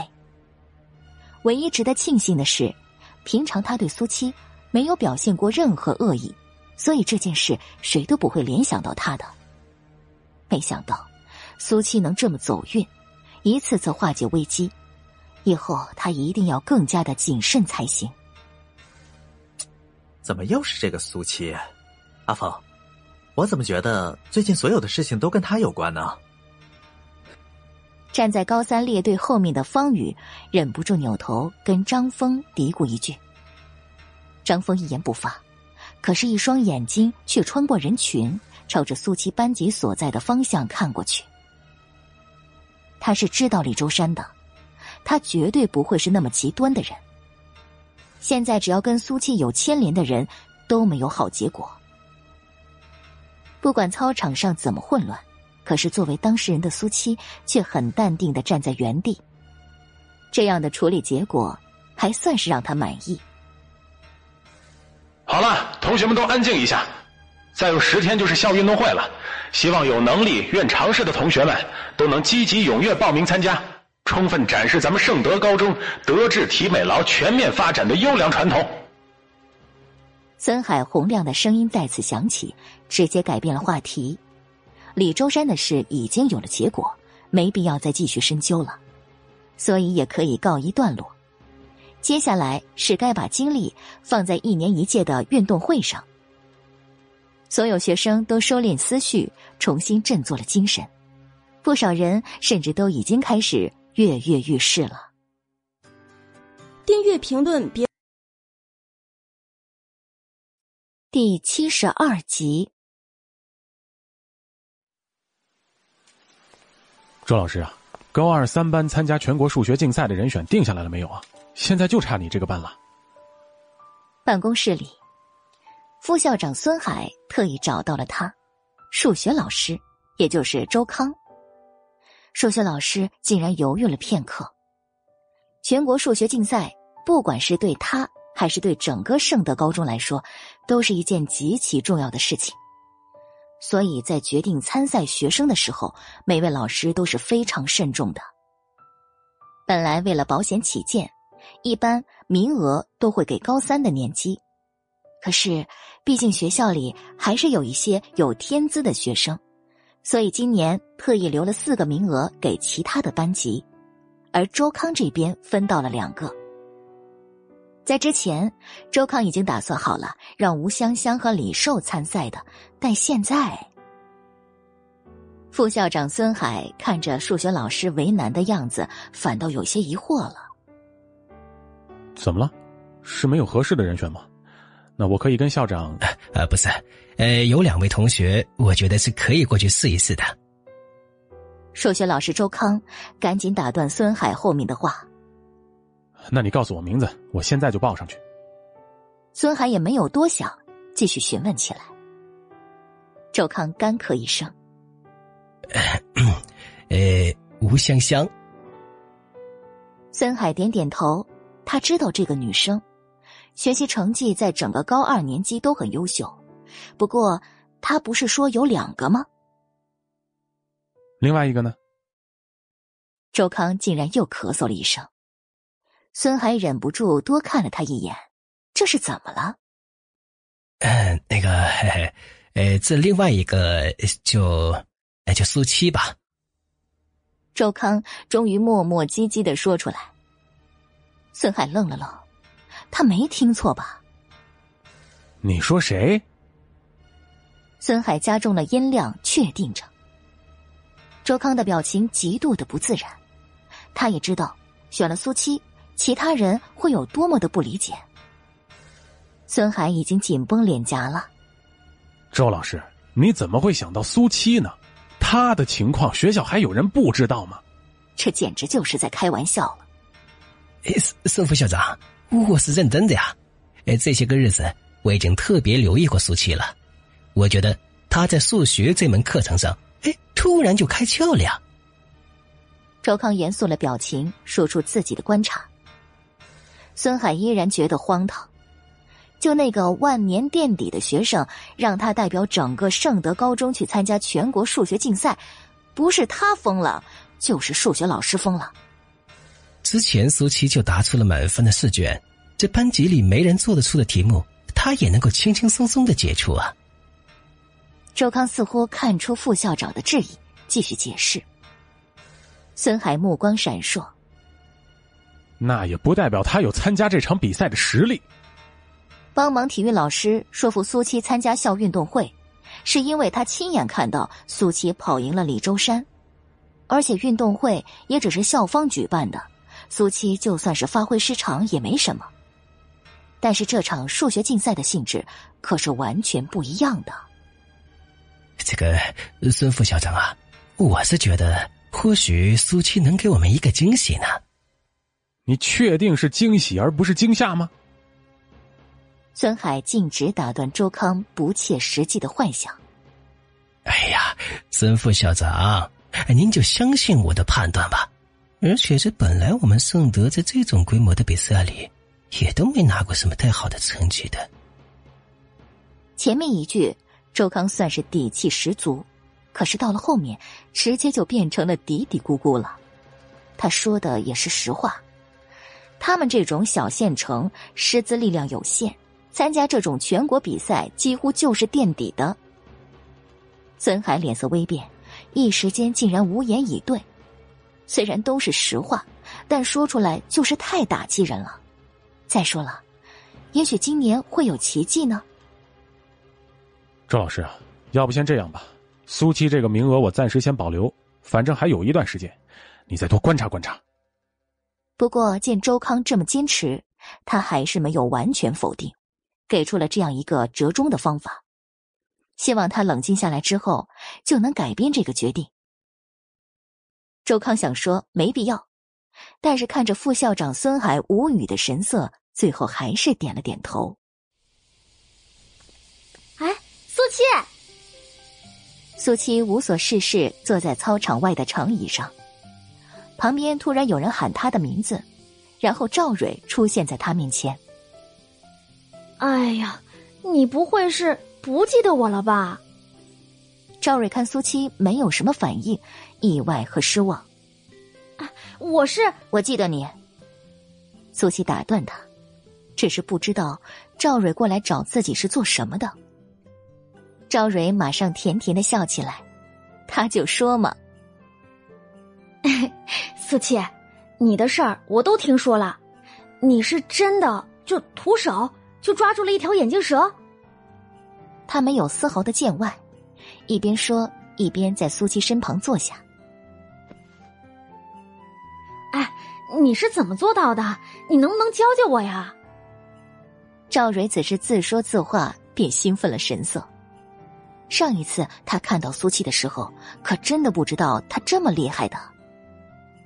你学这个做什么？苏七看着赵蕊笑弯弯的眼睛，这丫头虽然有些骄纵和大小姐脾气，脑袋也笨了些，但她却并不讨厌他，不过也就仅此而已。我觉得很酷啊！哎，我跟我爸还有我师兄他们说，他们都觉得我是在吹牛。还说那眼镜蛇的攻击性很强的，一般人根本就不可能轻易抓住。赵蕊上上下下打量着苏七，不知道为什么，他突然觉得苏七有一种很熟悉的感觉。这种感觉绝对不是之前他印象当中的那个他。没什么技巧，只是运气好罢了。苏七平淡的语气让他收回了思绪。赵蕊显然并不相信，什么样的运气才能让人抓住眼镜蛇呢？他这是不想说，不过没关系，他可以换另外一个话题的。哎，苏七，我还听说你要参加运动会啊！你听的倒是很多呀。苏七心不在焉的说着，已经准备离开了。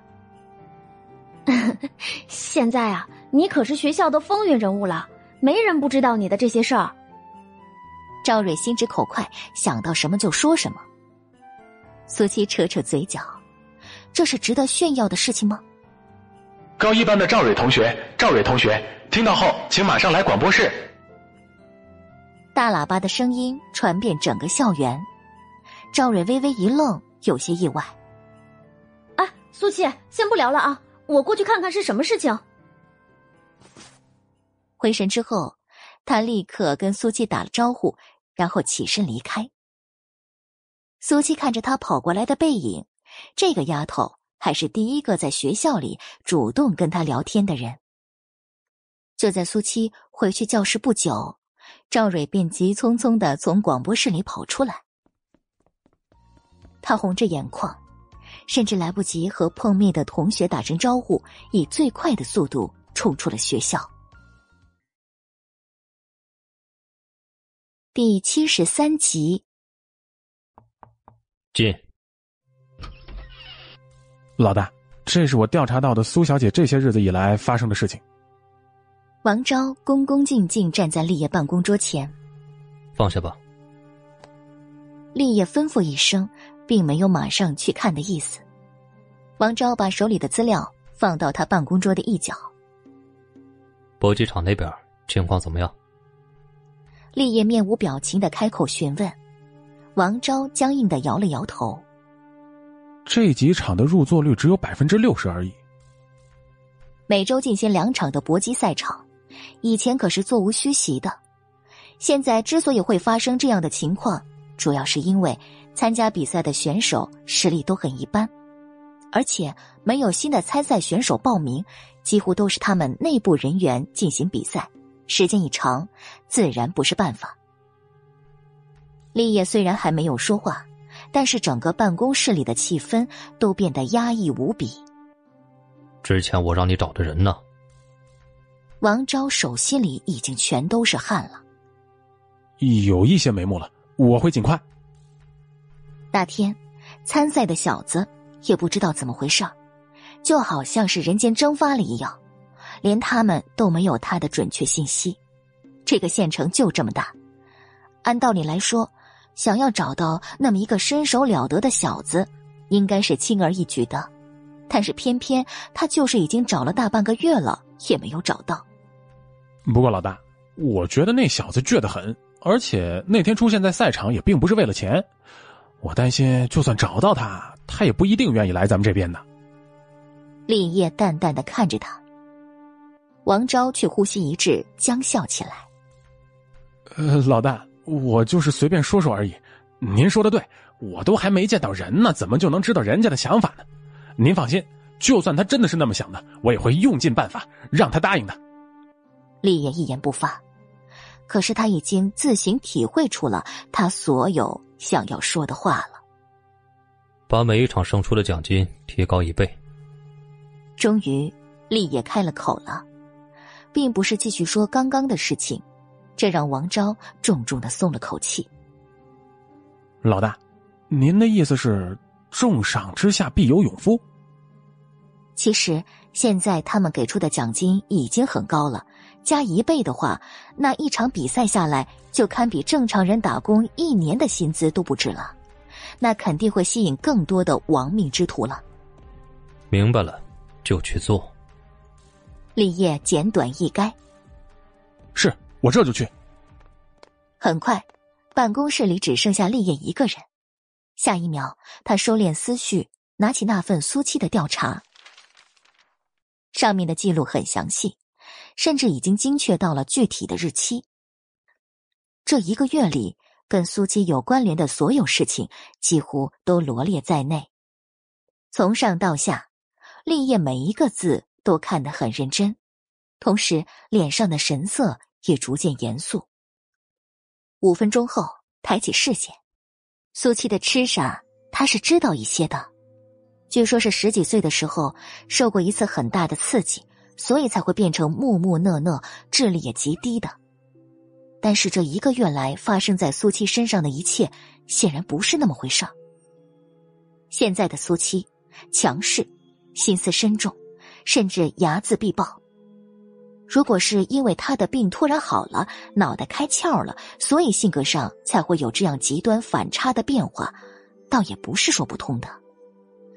可是一个人的学识能力，绝对不是可以突然改变的。前面几年，苏琪都是浑浑噩噩的过日子。怎么可能清醒过来之后就答出一份满分的试卷？所以这里面一定还有什么不为人知的秘密。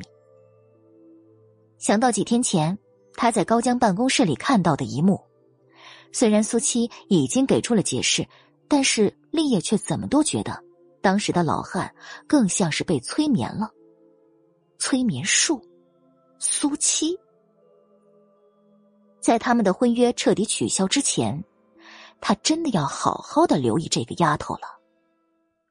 两天后，苏七，你上来做一下这道题目。苏七，你口述一下这道题目的解法。苏七，苏七一脸不耐烦。但凡只要是数学课，数学老师周康至少要喊他三到四次。教室里的学生都觉得恍恍惚惚的。苏七什么时候成了周老师眼里的红人了？可是对于苏七来说，他的容忍也是有限度的。终于在接下来的课堂，他直接就逃课了。此时此刻，操场上高一的班级在上体育课，而苏七却倚靠在不远处的大树旁边闭目养神。哎，赵瑞家里出了什么事儿啊？都已经接连请了两天假了，我听说，只是听说啊，他家里被人寻仇了，啊，真的假的？他家不是开武馆的吗？不去欺负别人就不错了。好像是得罪了什么社会人，被踢馆了。休息时间，一群女生来到大树的阴凉下，叽叽喳喳的。苏七睁开眼睛，面无表情的站起来，从另一边走了出来。他们根本没想到这里还有其他人的，看到苏七之后，全都愣了一下。苏七没有任何停顿，直接离开了他们的范围。傍晚，大院里家家户户烟雾缭绕，王大树家里却是气氛凝重。除开了他们一家之外，炕边还坐着给王壮说亲的媒婆。小美说了，结婚必须要有自己的房子。如果你们要是实在置办不起，那这门婚事也就只能算了。媒婆一脸的不耐烦。之前相亲的时候，他们这边可是答应的好好的，结果人家女方没意见了，他们反倒是一拖再拖了。要不是为了那点洗钱，他才不会这么三天两头的过来呢。王大树尴尬的不得了，点头如捣蒜。那个，我我我们尽量啊。哈 尽量，要不我看还是算了吧。媒婆说着就起身了。要不是冲着房子这个条件，人家女方能看上他家儿子吗？什么条件心里没数啊？王壮见状，马上急了，赶紧递给爹王大树一个眼神儿。王大树自然也明白，直接改口：“说错了，不是尽量，是肯定没问题。你看见我们后面那个房子了吧？我已经买下来了，过两天就让那对母女搬走，然后给壮壮他们小两口收拾出来做婚房用。”他说的信誓旦旦，底气十足，媒婆的脸色这才好看了一些。哎，不是说人家不卖吗？钱我都给了，现在就是看在街坊的面上，所以给他们孤儿寡母多点搬出去的时间而已。王大树脸不红气不喘的在一边肯定。啊，哎，既然这样，那我就去跟小美说。虽说啊，那三间房子破是破了些，但是你们家好好收拾收拾，人家也能答应嫁过来。哎哎，别走！第七十四集，苏七回来，走进自家胡同，王大叔一家人也正好走了出来。本来还和媒婆有说有笑的王大叔，一张脸立马就耷拉到了地上了。这丫头就是你们后院的吧？来过几次的媒婆竟然认出了苏七。苏七面无表情的朝他看了一眼，王大树的神经瞬间紧绷了，这会儿可千万不能说漏了。啊啊，是的，两家的喜事就麻烦您多费心了。等壮壮结婚的时候，一定给您包一个大喜包。先应了一声，然后直接岔开话题。媒婆听到这话，自然是喜笑颜开的。哎呦，放心吧，不过你也得抓紧。还是不忘记提醒他，然后又看向了苏七。王大树点点头，给王壮一个眼神。父子俩最快的速度把媒婆送出了胡同。等他们再回头，已经不见苏七的人影了。爸，傻子他妈根本就没答应咱们，你怎么？小点声，回家再说。王大硕压低声音打断他后面的话：“他要是不那么说，人家婚事都要退了。冯秀那个女人就是敬酒不吃吃罚酒，既然要脸不给，那就别怪她用一些非常手段了。”晚上，苏七看着饭桌上的馒头、咸菜，皱了眉头。七七，洗手吃饭。冯秀已经做好招呼着。家里没有菜了吗？苏七询问着。早知道他放学回来的路上就买些熟食回来了。虽然现在的肉价格不便宜，但是他的钱还是不少的。冯秀微微一愣，然后错开了跟他对视的眼神。晚上饭吃点清淡的好，而且馒头都是新蒸出来的，好吃。其实现在的伙食，跟一个月之前比起来，已经是天壤之别了。苏琪探究了眼神，馒头、咸菜，除了能填饱肚子之外，根本没办法让他尽快调整体质。冯秀被他看得更是心虚，终于妥协了。明天我多买些菜回来。您那里还有钱吗？苏琪突然冒出一句，正常来说。他之前给冯秀的那些钱，就算是天天吃鱼吃肉，至少也能维持两三个月的开销了。更何况他本身又是那么节俭的一个人。冯秀却很明显的僵硬了身子，扯了扯嘴角。当当然还有。苏琪目光闪烁，突然觉得他有事在瞒着自己。快吃饭吧，不然都凉了。冯秀不自在的岔开了话题，主动把馒头放进了他的碗里。苏七没有说话，整个饭桌瞬间安静下来。第二日，七七，路上慢点啊，晚上下班就赶紧回来。冯秀站在家门口，不放心的再三叮嘱着。虽然闺女去书店打工是好事。但每天都回来的那么晚，她总是提心吊胆的。知道了，苏西应了一声，很快走出胡同。冯秀这才准备回去收拾一下，也去工地上。可这时候，王大树从他家院子里走出来，时间简直就是刚刚好。冯秀啊，晚上有事情没有啊？冯秀见到他，就有一股说不出的胆怯。生怕他又提到那件事情，第一个反应就是否定。我晚上要等七七。我都听说了，你家苏七现在在外面书店打散工呢，每天都要晚上八点多才能回来呀。王大树根本就不给他把话说完的机会。冯秀只得点点头。苏七这个样子，你倒是也放心让他出去挣钱呀。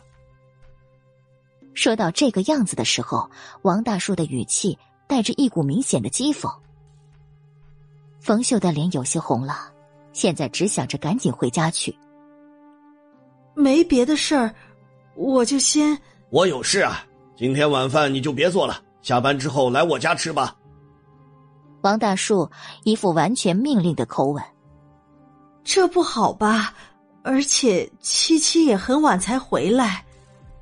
冯秀浑身上下的细胞都在拒绝着他的邀请，况且这好端端的，他为什么突然让自己过去吃饭呢？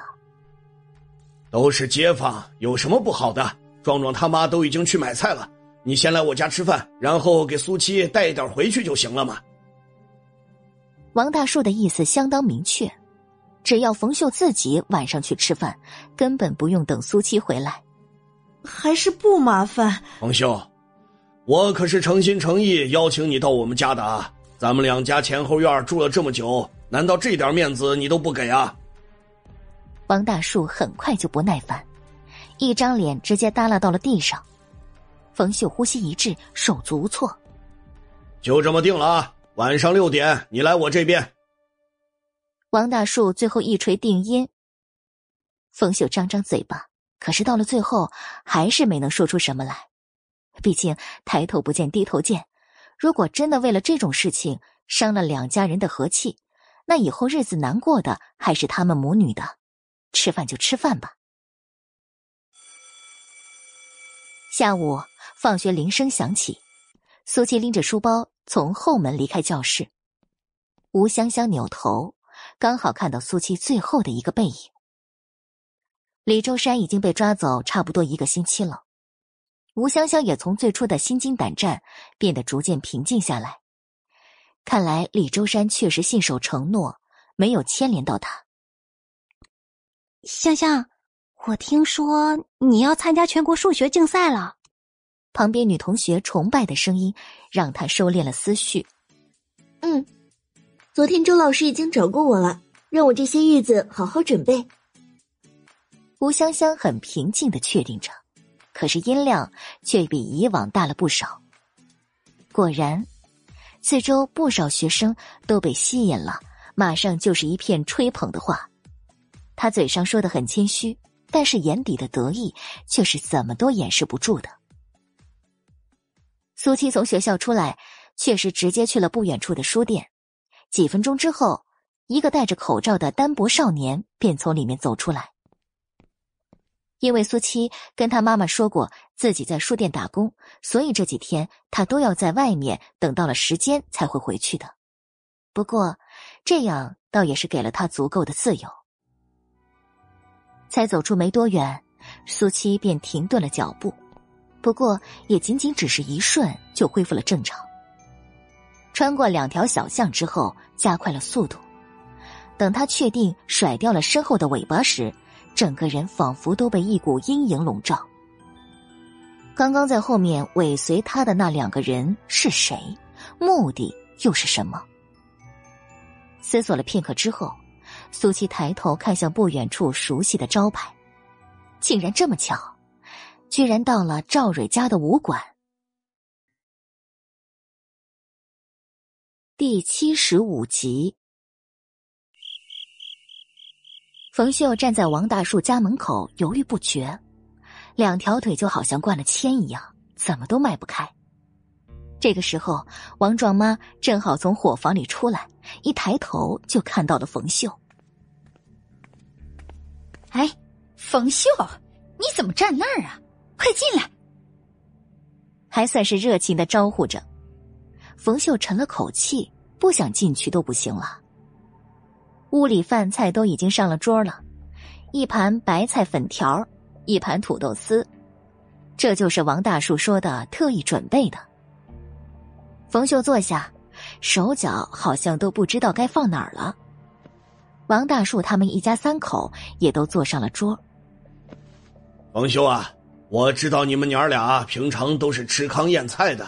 今天啊，你就多吃一点。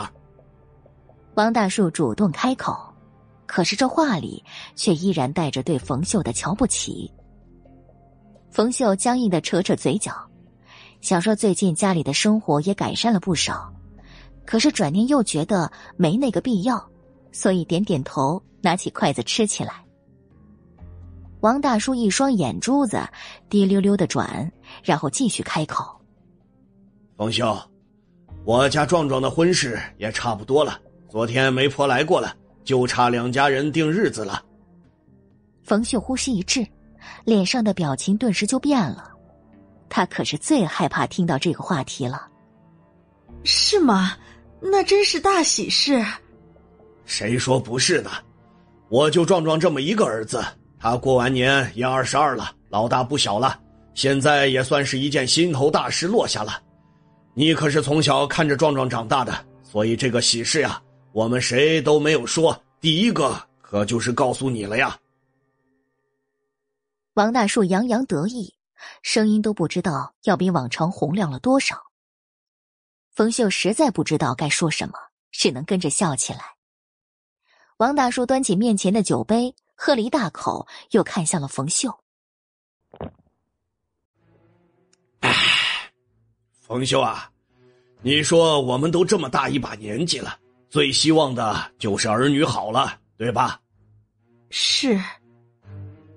冯秀低垂了眼帘，嘴里的饭菜如同绝辣。其实呢，你家苏七年龄也不算小了，脑子又笨。你一个人把他拉扯到现在，也算是仁至义尽了。我要是你的话呀，早就找个媒婆给他琢磨一户人家了。她嫁出去以后，你也就少一个累赘嘛。王大叔完全一副为了他着想的语气，他媳妇儿也是一个劲儿在旁边附和。冯秀紧绷着脸颊，还是忍不住反驳了一句：“我从来都没觉得七七是累赘。”怎么说他都无所谓的，但是说到苏七，他真的受不了。王大树竟然扑哧一声就乐了，笑容里充满了轻蔑的神色。你这还是放心不下你们家那口子呀？他都死了那么多年了，你不改嫁也就算了，还把傻闺女当成心头宝呢。冯秀握着筷子的手骨节微微泛白。所以他叫自己过来吃饭，就是为了羞辱他吗？我吃饱了，就先回去了。说完，直接放下筷子，准备起身。王大树脸上多了一抹不悦，这臭寡妇竟然还敢给他掉脸色。可是现在他还不能走啊！马上给自己媳妇儿递了一个眼神。王壮妈立刻心领神会。一把拉住冯秀的胳膊。哎，冯秀，你都还没吃呢。大叔说话就是这样，想到什么就说什么，他没恶意的。其实我们今天让你过来啊，是有一件好事儿，关于你家苏七的。本来去意已决的冯秀，听到他说关于苏七，终于停下了动作。王壮妈拽着他，让他重新坐下。我家呢有个远房亲戚，家里有个儿子，长得也算是一表人才的，现在正在托人找媳妇儿。然后我就想到了你家苏七，苏七年纪也不小了，我寻思着安排他们两个见见面，而且人家完全不嫌弃苏七脑子不好。说到最后，王壮妈特意强调了一句，一直低头吃饭的王壮却是强忍着笑意。可不是不嫌弃吗？因为那个男的是个身高只有一米二的侏儒，而且今年已经三十八岁了，比他爸妈都小了不多少呢。不过傻子跟侏儒那是绝对配了。冯秀很明显的愣了一下，显然没想到是这种事。下一秒，他回神之后马上拒绝：“不行。”王大树夫妻两个正在兴冲冲的。见他这样的态度，脸色顿时就变了，越来越难看起来。冯秀，你是不是舍不得苏琪呀？你先别急，听我把话说完了。南方人真的特别好，听说了你们母女的情况之后，也挺同情你们的。他说了，只要你愿意让苏琪嫁过去，就可以一块儿搬过去住，你和苏琪不用分开。王壮妈难得耐着性子又说起来。其实这也才是最关键的。他们母女去了南方那边生活，这里的房子自然就是他们家的了。冯秀赶忙摇摇头：“我不是这个意思，你们的心意我领了，但是七七不能再许配人家了。闺女可是已经都跟厉先生订婚了，这种事如果让厉先生那边知道了。”这可怎么得了啊！王大树两条眉毛拧成了麻花一样，也放下筷子。冯秀，我们夫妻俩可都是为你好啊！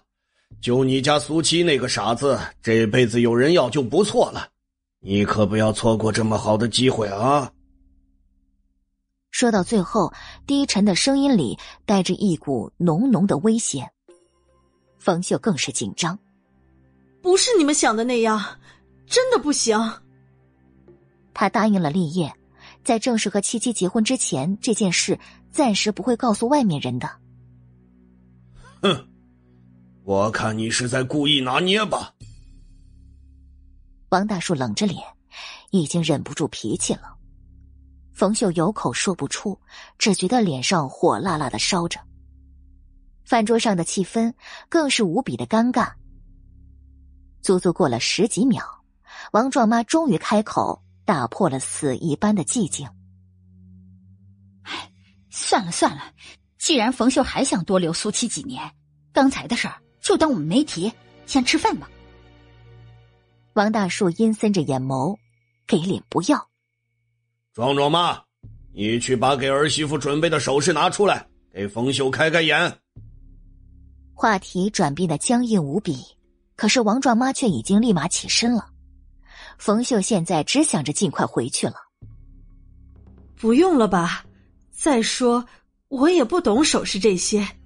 知道你不懂，但是长着眼睛呢看看还是可以的。王大树态度恶劣，颇有一副如果他不看就不能离开的架势。冯秀僵在座位上，心里突然有了一股不祥的预感。第七十六集，王壮妈很快从里屋走出来，手里捧着一个盒子。冯秀，这是我们花了大价钱特意从外面买回来的玉镯子，给小美的聘礼。王大叔一边说，一边给媳妇儿眼色。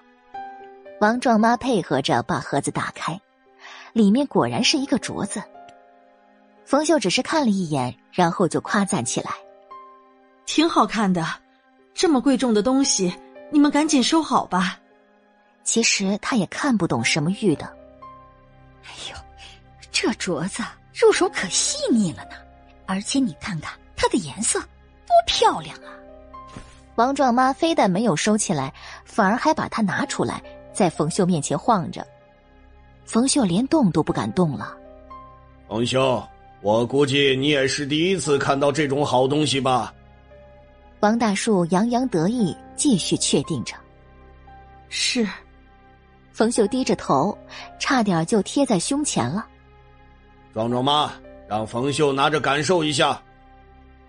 王大树的眼底一抹金光闪过，冯秀心头一颤。不用了，我手笨。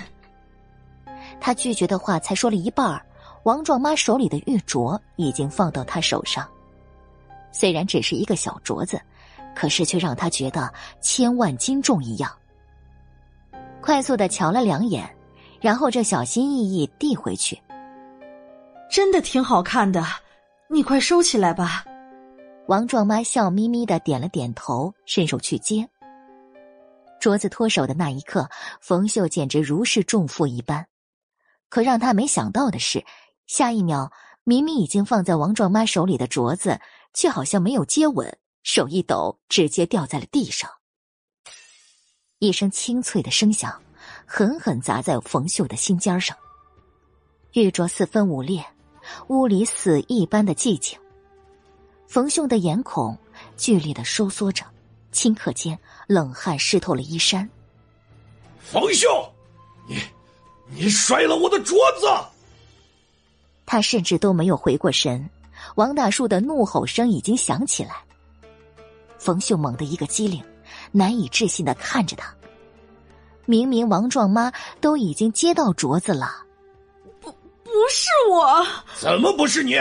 我们三双眼睛都看得清清楚楚。冯秀，我好心好意请你过来吃饭，还让你看这么贵重的东西，我把你当成是好街坊，可没想到你就这么祸害我们家呀！王大树几乎是瞬间变脸，神色更是说不出的狰狞。王壮妈也在旁边添油加醋。是啊，冯秀，你这个就过分了吧？这可是我们给未来儿媳妇儿的，现在可怎么办呢？冯秀剧烈的呼吸着，整个人都紧绷到了极点。我刚才明明已经给到你手里了。哎呦，你是想要冤枉我？是我自己打碎的吗？这可就不地道了呀！这是宝贝，我当成心肝一样的。哼！王壮妈一口否定，冷哼一声。冯秀只觉得有口难言，眼泪都在眼眶里打转。看着王大树那副想要吃人的恐怖模样，瑟瑟发抖。冯秀，看在街坊一场的面上，我也不为难你。你打碎了我家的镯子，那就按着原价赔偿给我们就行了。王大树阴森着目光。终于步入了正题。冯秀紧抿着嘴唇，一言不发。如果真的是他的过错，那多少钱他都该赔的。可是不是啊？王大树夫妻俩见他这样，气不打一处来。怎么，你是想要耍赖吗？那好，咱们现在就出去，让整个大院里的人评评理。冯秀垂在身侧的双手紧握成拳，屋里只有他们四个人。就算他怎么解释，恐怕大家都不会相信。再等等，苏七也就回来了吧？正好连他一起，让他看看他妈到底是个什么样的人。一直站在旁边没有看热闹的王壮也开口了，他的一句话直接戳在了冯秀最在意的地方。我，你们不能这么做，我，我赔。冯秀的心都仿佛在滴血。镯子碎了，责任都推到了他的身上，绝对不能再连累女儿了。王大叔跟媳妇儿又对视一眼，两口子几乎一样的兴奋。这还差不多，这个镯子是我们从大城市托人买回来的，花了三百块，别的路费啊，还有人情什么的，呃，就不算了，你只要原价赔偿就行了。王大树看着他，就好像这些钱已经是在施舍他一样。冯秀局促了呼吸，整个人都僵了。三百块，对于他们这样的人家来说，简直就是一笔巨款了。他就算是砸锅卖铁都还不清的。我，我，我哪里有那么多钱？王大叔眼皮一翻，阴恻恻的笑起来。他当然知道冯秀没有了。那我可不管啊！镯子就是这么个价钱，你赔也得赔，不赔也得赔。我我没有。冯秀再次重复一遍：“如果他认了，那就是一笔巨额欠款了呀。”冯秀，给脸不要脸是吧？一会儿一变的。你以为我是好欺负的？王大叔瞪了眼，气势拿出来。哎大叔，冷静点冯秀家的情况咱们也知道的，他也不是故意的。咱们呢也退一步，不要真的伤了两家人的和气。王壮妈突然改变了态度，主动拦住了他家老头，当起了和事佬。那你说怎么办？这可是事关咱们儿子的婚事啊！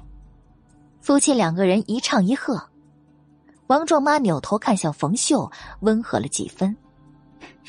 冯秀，镯子既然是你摔了，那你肯定要赔偿的。这笔钱你拿不出，那就用你家的三间房子抵吧。虽然你家三间破房也值不了我家的镯子的价钱，但是我们就大度一点，不追究了。你呢，先回家把地契给我们拿过来，然后这几天我给你联系，联系刚才说的那个亲戚，你让苏七嫁过去，你也跟着一起搬过去就行了。这简直就是一举两得的事儿啊！他家的房子问题解决了，那冯秀家的傻闺女也有人养了。冯秀难以置信看着他们两个，整个事情的来龙去脉终于想得清清楚楚。原来他们两口子是打的这样的主意。王大叔，你们夫妻实在是太欺负人了，房子我是绝对不会给你们的。因为愤怒，冯秀整个人都在颤抖。王大树扭曲了五官，这个臭娘们就是欠抽啊！都到了这种时候，竟然还不松口。想到这里，二话不说，上前一步，抡起胳膊，大巴掌直接就朝着冯秀的脸打下去。哎，第七十七集。赵蕊出门倒垃圾，看到不远处那道熟悉的身影时，甚至觉得自己出现了幻觉。哎，小哥哥，等一下！当看到已经装扮一新的苏七时，已经转身离开，他马上就急了，以最快的速度冲过去。苏七听到声音，停下脚步。很快，赵蕊气喘吁吁跑到他面前。苏七来到这儿也是偶然而已。可没想过再用这个身份跟赵蕊见面。哎哎，真的是你啊！赵蕊兴奋不已。虽然面前的男孩还戴着口罩，可是这双眼睛他是绝对不会忘记的。啊，你是你是过来找我的吗？这个想法几乎脱口而出。不是，路过。苏七特意压低了嗓音，之前已经跟赵蕊有过接触，现在更要注意，不然很容易就会被他认出来。赵蕊脸上一抹失望的神色，这种感觉就连他自己都说不清楚。哦，嗯，这样啊，嗯，上次的事情我都没来得及好好谢谢你呢。不用谢，举手之劳而已。苏七打断赵蕊的羞涩，如果不是因他而起，他也不会去管赵蕊的闲事啊。赵蕊却越发的感动。他们第一次见面是在他家的擂台上，赵蕊对他的态度还那么差，结果人家看到自己被坏人欺负，就马上出手帮了他。这种胸襟可不是随便什么人都有的，而且这个小男孩还这么有实力。啊，嗯，我都还不知道恩人你的名字呢。至少知道名字，以后才会有机会再见面吧。没这个必要，我还有事。蕊蕊，你和谁说话呢？这时候，两人身后突然一道紧张的询问传过来。赵蕊回头，哦，大师兄。王奎的视线径直落在苏七的身上，片刻之后，脸上一抹惊愕之色。哎，你不就是之前打擂台那小子吗？虽然已经过去了差不多一个多月，但是他对苏七的印象就是很深刻。嗯，大师兄就是他。不等苏七说话，赵蕊便应了一声。不过，现在他有些紧张的神色，却让苏七看不太懂了。你们认识？王奎马上又看向了赵蕊，不然怎么会在这里聊天呢？啊，我们，我我们不熟的。赵蕊说的时候竟然迟疑了，然后又紧接着开口：“嗯，那个小哥哥，你刚才不是说要走了吗？啊，那再见啊。”苏七挑了一下眉头，不过他并不打算浪费时间。哎，小兄弟，等一下！他才转身迈开脚步，王奎便又喊住了他：“大师兄，你叫人家做什么呀？”王奎的脸上又隐隐多了一抹兴奋的神色。哎，瑞瑞，没想到能正巧遇到这位小兄弟，或许他他可以帮我们的。人家跟我们又不认识，我们怎么能牵连别人呢？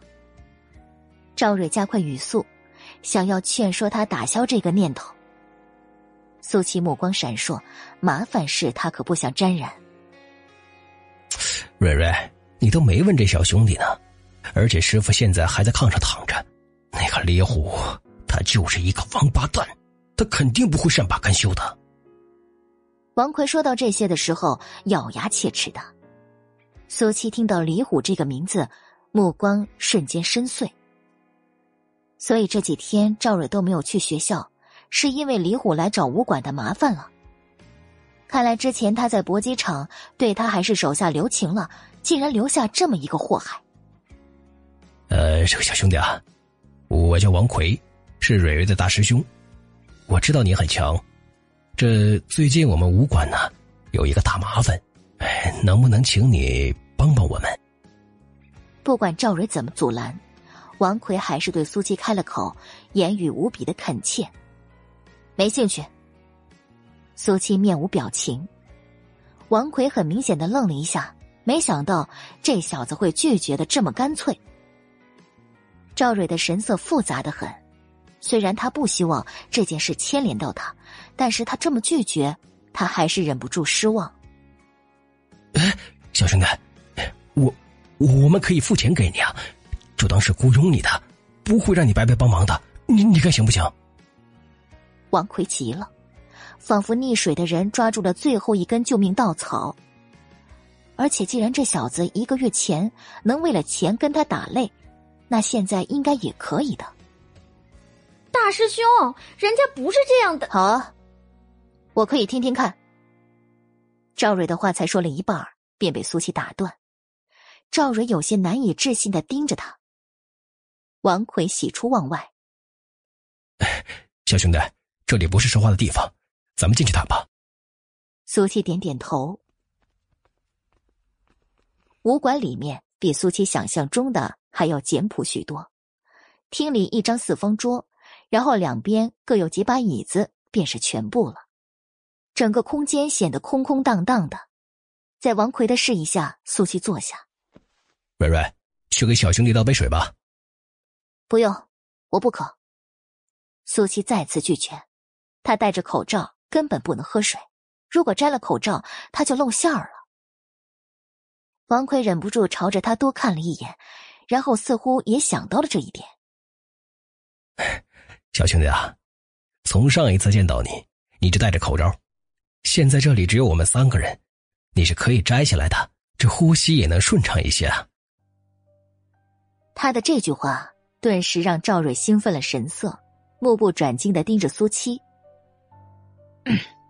我长得丑，轻易不摘口罩，以免吓到别人。王奎和赵蕊愣了愣，三人间的气氛都尴尬了几分。哈哈，哎呀，小兄弟啊，你可真会开玩笑。我自问也应该比你年长十几岁吧，我还是见过不少人的。王奎一边说一边配合着笑，苏七没有说话。他这样的反应。自然也让他们师兄妹知道，他就是不想露出真面目罢了。那个，言归正传啊。王奎只得强行拉回话题。这个事情的起因呢，嗨，是因为蕊蕊在外面不小心招惹了一帮小混混。哎呀，师兄，其实我那个是见义勇为来着。赵蕊忍不住嘟囔着。他可不想让这位小哥哥误会了他。王奎有些无奈，然后继续说下去：“这本来也没什么大不了的事情，可是没想到那帮小混混有一个老大叫做李虎。哎呀，这个李虎在这一带可是出了名的残暴恶人。这不，前几天竟然找上门来了，说什么要让我们赔偿他和他手下的医药费。哎，师傅当然不肯呢。”两边一言不合，那就动起手来了。真没想到这李虎的身手了得呀！你看，我师傅现在还在床上躺着呢。哎呀！说到最后，他重重的叹了口气。还是他们这些做徒弟的没本事，打不过人家。苏七的眼睛微微的眯起，李虎找不到他苏七，倒是来找武馆他们的麻烦了。本集播讲完毕。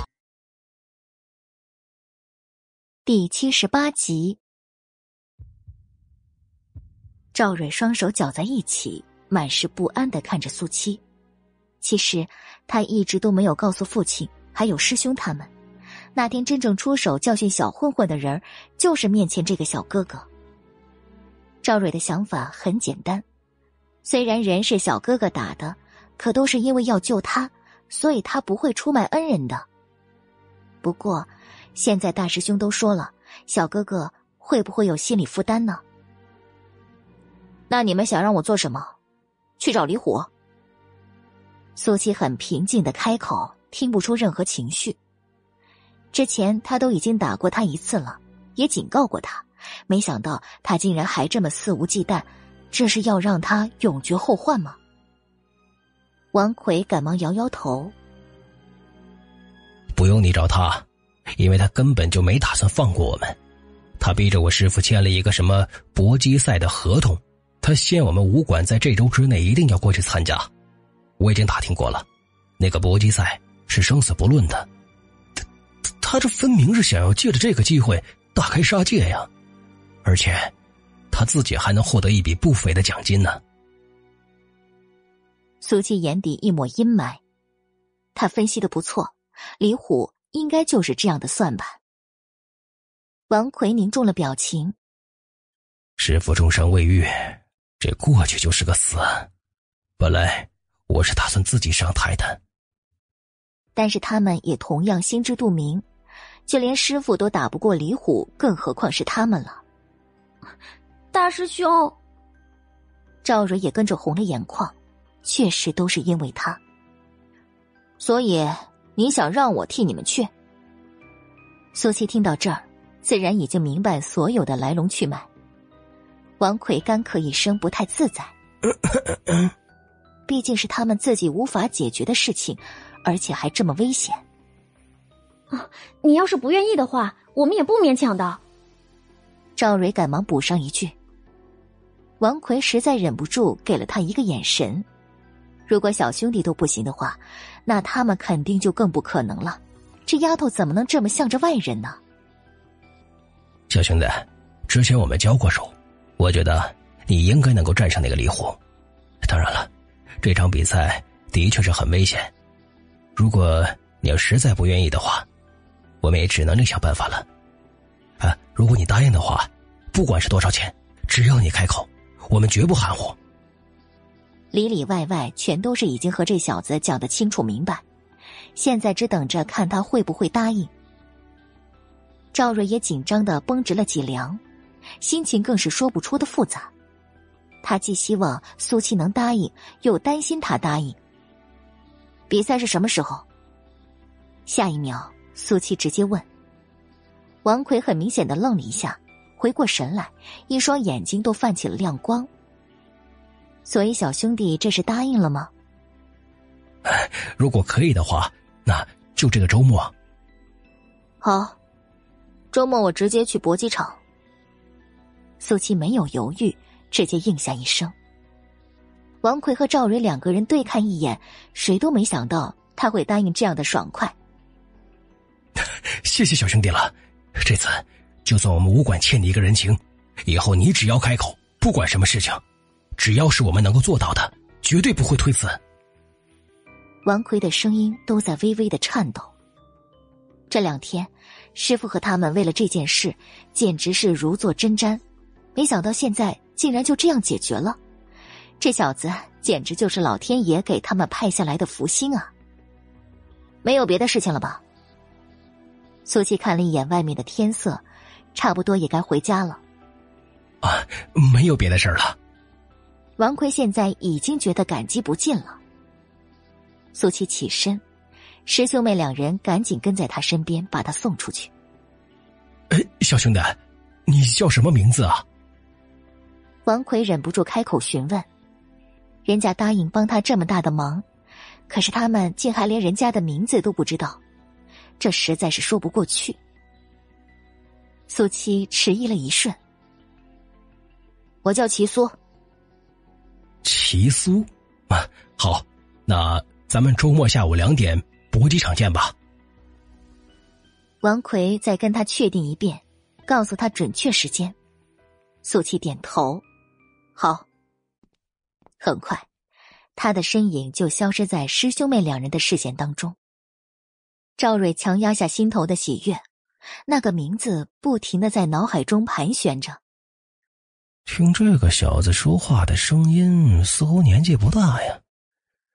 啊，但愿他能够言而有信，不会反悔吧。王奎忽然呢喃一句，让他收敛思绪。哎呀，大师兄，你怎么能这么想呢？人家要是不想过去的话，就不会答应了。赵瑞撅着嘴巴，显然很不高兴他这么揣测。王奎看着赵蕊探究了眼神，刚才他可就已经发现了，这丫头似乎对这个年轻人格外的维护。师妹，你不会是喜欢他吧？赵蕊完全没有想到他会突然冒出这样一句话来，俏脸一红，有些恼羞成怒了。大师兄，你说什么呢？我跟他，我跟他根本就不熟的好吗？否定之后，低垂着的眼帘下神色慌张。我就是提醒你一句，现在咱连这小子长啥样都不知道呢。王奎严肃了表情。毕竟他们对齐苏一无所知。赵蕊虽然什么都没有再说，可是脸上却已经写满了不想听。大院，胡同里一片杂乱。冯秀脸颊红肿，身上的衣服都已经被撕扯的一片褶皱。王大树，都是街里街坊的，有什么事儿不能好好说吗？旁边有人帮忙劝和着，毕竟冯秀胆子小又怯懦。没办法处理现在的情况，王大树下巴扬得高高的，直接鼻子孔里看人。我跟他好好说，他听得懂吗？他，我已经很给他脸了，打碎了我那么贵重的东西，竟然还不想赔偿，你们说这是人干的事儿吗？周围看热闹的人一个个面面相觑，也不知道该继续说什么才好。不是我，冯秀哽咽着声音。刚才他已经解释了好几遍了，可是每一次王大叔夫妻比他表现的还要激动，而且是理直气壮，一口咬死。街坊们似乎已经全都相信他们的话了。冯笑，你少在这里摆出一副可怜巴巴的样子。这些年来，我们家对你已经够容忍的了，见你一个寡妇养活着傻闺女，所以才什么亏都我们忍着。但是现在这口气。我们实在是咽不下去了，要么现在就赔钱，要么就你家三间破房抵债，不然的话，今天你就别想离开这个院子。王壮妈扯着嗓子，盛气凌人。第七十九集。哎，冯秀啊，要不你就答应了吧。一个妇女来到冯秀身边，叹了口气，拍拍她的手。他摔了王家的镯子是真，虽然大家也都觉得镯子不可能那么贵，分明是王家人在借题发挥罢了。毕竟他们家惦记着苏七他们家的房子，可不是一天两天的事了。可俗话说得好，胳膊拗不过大腿啊！事已至此，他也只能认倒霉了。冯秀再也忍不住眼泪，被打的脸更是火辣辣的疼着。不，我不能答应。房子没了，他以后和闺女要怎么生活？王大树见他竟然还不松口，怒不可遏，一个箭步冲到他面前。冯秀，我给你脸了是不是？今天这事儿你答应也得答应，不答应也得答应，否则就别怪我翻脸不认人了。反正现在礼都被他们家占着，就算是阎王老爷来了，也不能把他怎么样。冯秀看着他这副恶霸的模样，只觉得浑身上下的血液都沸腾起来。怎么会有这么不讲理的人呢？还不说话！王大树扭曲了五官，呸！一张嘴，一口唾沫直接啐到冯秀的脸上。冯秀就好像傻了一样，僵在原地一动不动，唯有垂在两侧的手紧紧握起来。四周的街坊们都有些看不过去了。王大叔，有事儿说事儿啊，没必要这么欺负人。感情他摔碎的不是你们家东西啊，都别站着说话不腰疼了。你们要是觉得我过分，那替他把钱还了。王大树直接摆出一副无赖的口吻，反正没什么比他儿子的婚事更重要了。街坊们一个个也都变了脸色，怎么可能替他还呢？冯秀，我再问你最后一次，你答不答应？王大树的耐心到了极限，凶狠了语气。冯秀紧抿着嘴唇，一言不发。王大树彻底狰狞了神色，一把拽住他的衣领：“你这个臭娘们儿，今天我就让你知道什么人不能惹！”冯秀心头一片死灰，即便呼吸都已经变得困难，可是依然不闪不躲，只是认命的闭上眼睛。就算打死他，他也不会把房子给他。王大树卯足了力气，拳头狠狠的抡起来。王壮妈和王壮就站在一旁，母子两人全都一脸幸灾乐祸。街坊们谁都没想到，他王大树一个大男人，竟然真的会一言不合就对女人动手，全都是愣了神了。王大树阴森的表情，胳膊重重的落下。冯秀甚至已经听到呼呼的风声，心肝剧烈的颤抖，等待着接下来的疼痛。一秒，两秒。意料中的感觉迟迟没有到来，反而是王大树突然倒吸了一口凉气的声音响起来：“苏苏苏苏苏七！”紧接着有人大喊一声，冯秀慌乱的睁开眼睛，果然苏七竟然就这么突然出现了。他站在冯秀的旁边，整个人仿佛被一股阴影笼罩，几乎要和夜色融为一体，而王大树的手腕就被他拉在半空中。四周围一片叫声，站在大门口的人只是觉得眼前一道黑影窜了过去，没想到竟然会是苏七。王大树的瞳孔剧烈收缩一瞬，同样难以置信。他用力想要抽回自己的胳膊，这个时候，苏七抬起一脚，直接踹在王大树的肚子上。哎呀！啊！啊！王大树噔噔噔的倒退了三步。他只觉得自己已经完全失去了控制，接连后退了三四步，才终于踉跄了身子，稳住了。可是胃里却翻江倒海一样的疼啊！苏七一双眼睛犹如野兽，看着王大树的目光仿佛想要把他撕碎一般。整个院子里除了王大树的哀嚎，便没有其他任何声响。苏七竟然正好这个时候回来。而且还一脚踢飞了王大树，今天的事情看来注定要闹大了。七七，冯秀第一个回了神，哽咽着声音拉住苏七的手腕。苏七就连呼吸都是阴沉的，扭头看向冯秀。当看到冯秀右脸上红肿的巴掌印，眼底杀意升腾。他打你了。不是询问，而是完全肯定的语气。虽然声音不重，可是却让所有人不寒而栗。冯秀赶忙捂住自己的脸：“七七，我没事儿，你千万要冷静。”自从上一次因为他和李金花对峙，他就特别害怕他再一次控制不住自己的。在冯秀看来，苏七根本不可能有那么厉害的攻击性。只能是因为他发病了。如果真的伤了人，被大家当成怪物一样，那说不定就会被关进精神病医院了。我很冷静。苏七的神色确实平静到令人发指。说完，再次看向王大树一家三口。王大树的惨叫声顿时戛然而止，也不知道是因为疼痛，还是被苏七现在这样的目光注视，冷汗已经布满了脸颊。苏七，你真以为你是傻子就可以为所欲为了吗？这个社会是有王法的。下一秒，他深吸了一口气，重新振作了气势。一个丫头而已，怕她做甚？啊！我们家今晚好心好意的邀请你妈过来吃饭，结果她却把我们给未来儿媳妇准备的贵重玉镯给摔碎了。我们可是好言好语，让她只是照价赔偿罢了。是你妈说没钱的，然后我们家又让步了，同意你家用房子来抵，你妈还不同意。她，他这就是故意耍无赖呢。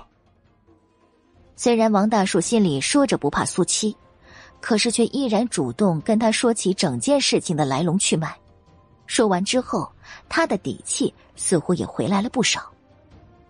苏七只是看着他，仿佛连空气都因为他的沉默而凝固起来。所有人都面面相觑，不知道此时此刻的苏七到底在想些什么。不过，王大树说的有理有据，也确实没办法反驳。七七，不，不是这样的，不是我。冯秀泪眼婆娑，有千万的委屈，可是到了最后，却还是硬生生的咽下去。她真的不是一个合格的母亲，竟然一次又一次让苏七面对这样的事情。七七，你别再动手了，不能再让王家人抓住任何可以借题发挥、为难他的机会了。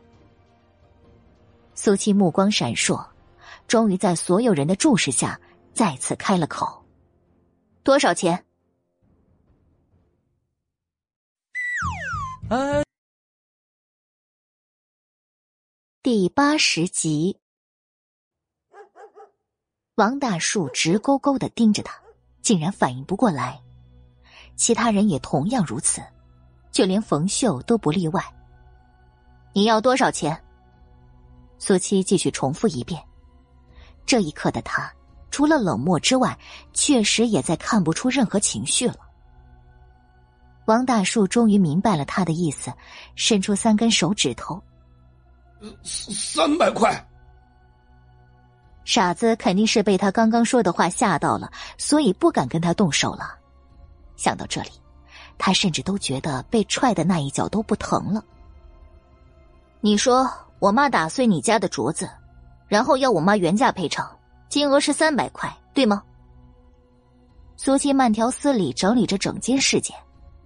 王大树点点头，没错。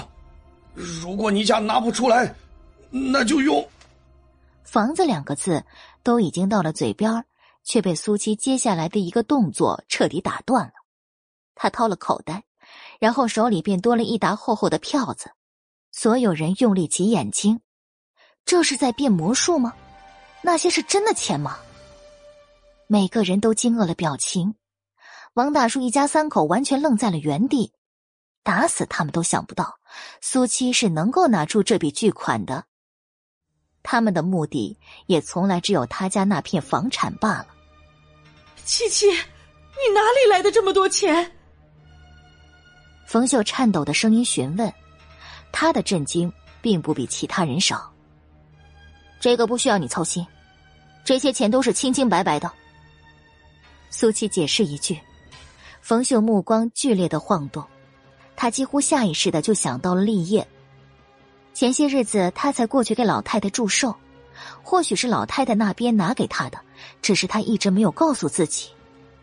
越想就越觉得是这样，也唯有这样才能让他安心。这是三百块，你来拿吧。苏七不给他们多想的时间，直接冲着王大树说着。他只是站在原地，想要拿钱，只有王大树自己过来。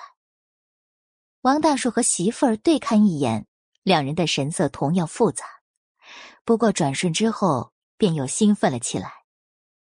这么一大笔钱，别说是一处破旧的宅子。就算去外面搞一套方方正正的四合院恐怕都够了。这简直就是意外之喜呀！王大叔已经按耐不住，快速的迈开脚步，朝着苏七走过去。没想到你们家竟然还有这么一笔存款呢！呃，那这件事情倒是我刚才太急躁了。呃，苏琪啊，呃，王叔在这里给你们赔不是了啊。呃，咱们毕竟也这么多年前后院的邻居了，以后还是应该会多多的互相帮忙照拂一下啊。现在的他跟几秒钟之前的他比起来，简直是判若两人。四周看热闹的街坊也全都忍不住一片唏嘘。可真是有钱能使鬼推磨啊！不过这么大笔钱，苏七到底是从哪儿来的？大家揣测的功夫，王大叔已经满脸带笑了，走到苏七的面前，迫不及待的去拿他手里的钱。可是让他没有想到的，就在他手指碰到那些钱的一瞬，苏七竟然直接把胳膊收回去，还没等王大叔反应过来，一个巴掌狠狠落在他的脸上，刺耳的声响让刚刚缓和的气氛又瞬间凝固。王大树只觉得眼冒金星，脑袋彻底就懵了。苏七，你钱我当然会给你，可是你打了我妈一巴掌，难道不应该还回来吗？苏七径直打断王大树愤怒的吼叫，然后淡定的等着他的反应。王大树咬牙切齿，可是竟然没有继续发作。三百块钱一个巴掌而已，他当然能忍。只是没想到这个死丫头竟然还会借题发挥。其实，我也并不是想要真的打你妈，不过这样也好，现在咱们两家算是互不相欠了。毕竟有这么多人看着，脸面上的事情还是要稍微挽回一下的。苏琪一声冷笑，神色亲密至极。他早就已经想到王大叔会这样了。现在可以把钱给我了吧？王大树严肃了表情。如果苏七敢哄骗他的话，那他绝对不会轻易的放过他们母女。镯子呢？什么镯子？王大树几乎下意识一声反问，不过很快便又反应过来，都已经被你妈给摔碎了。三百块钱是买你那个碎镯子的，所以。现在把碎片全都给我。苏琪突然提出了这样的要求，王大叔皱了眉头，探究的眼神打量着他。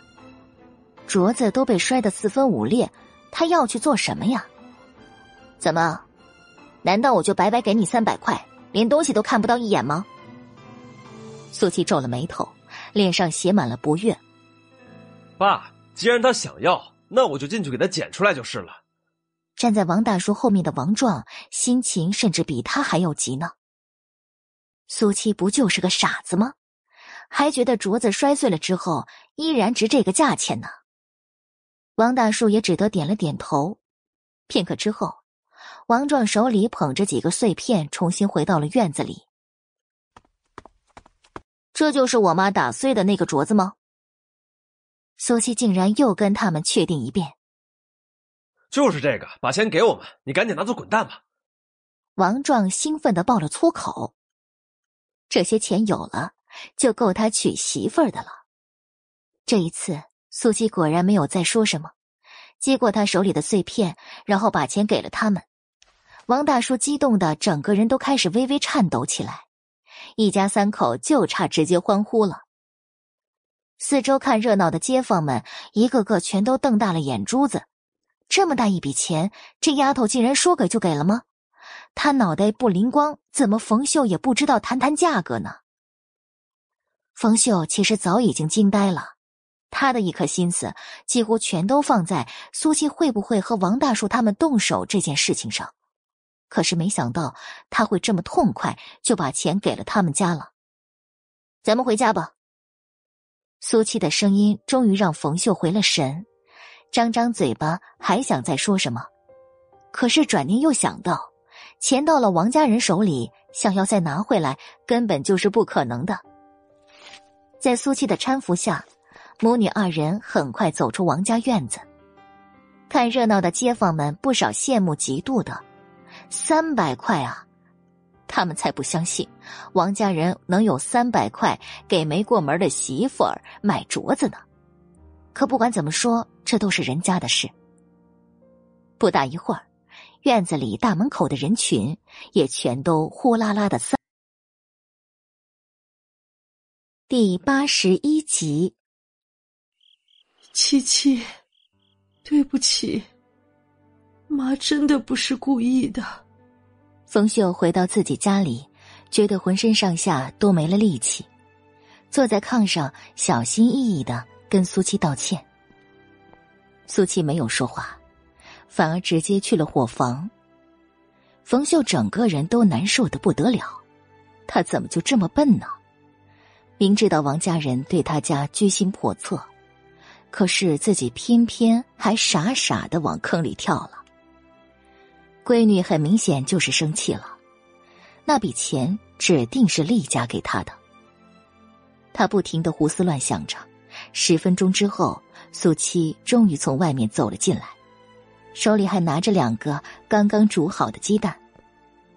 七七，你饿了是不是？妈现在就去给你做饭。冯秀一边说着，一边从炕上下来，可是苏七却阻止了他的动作。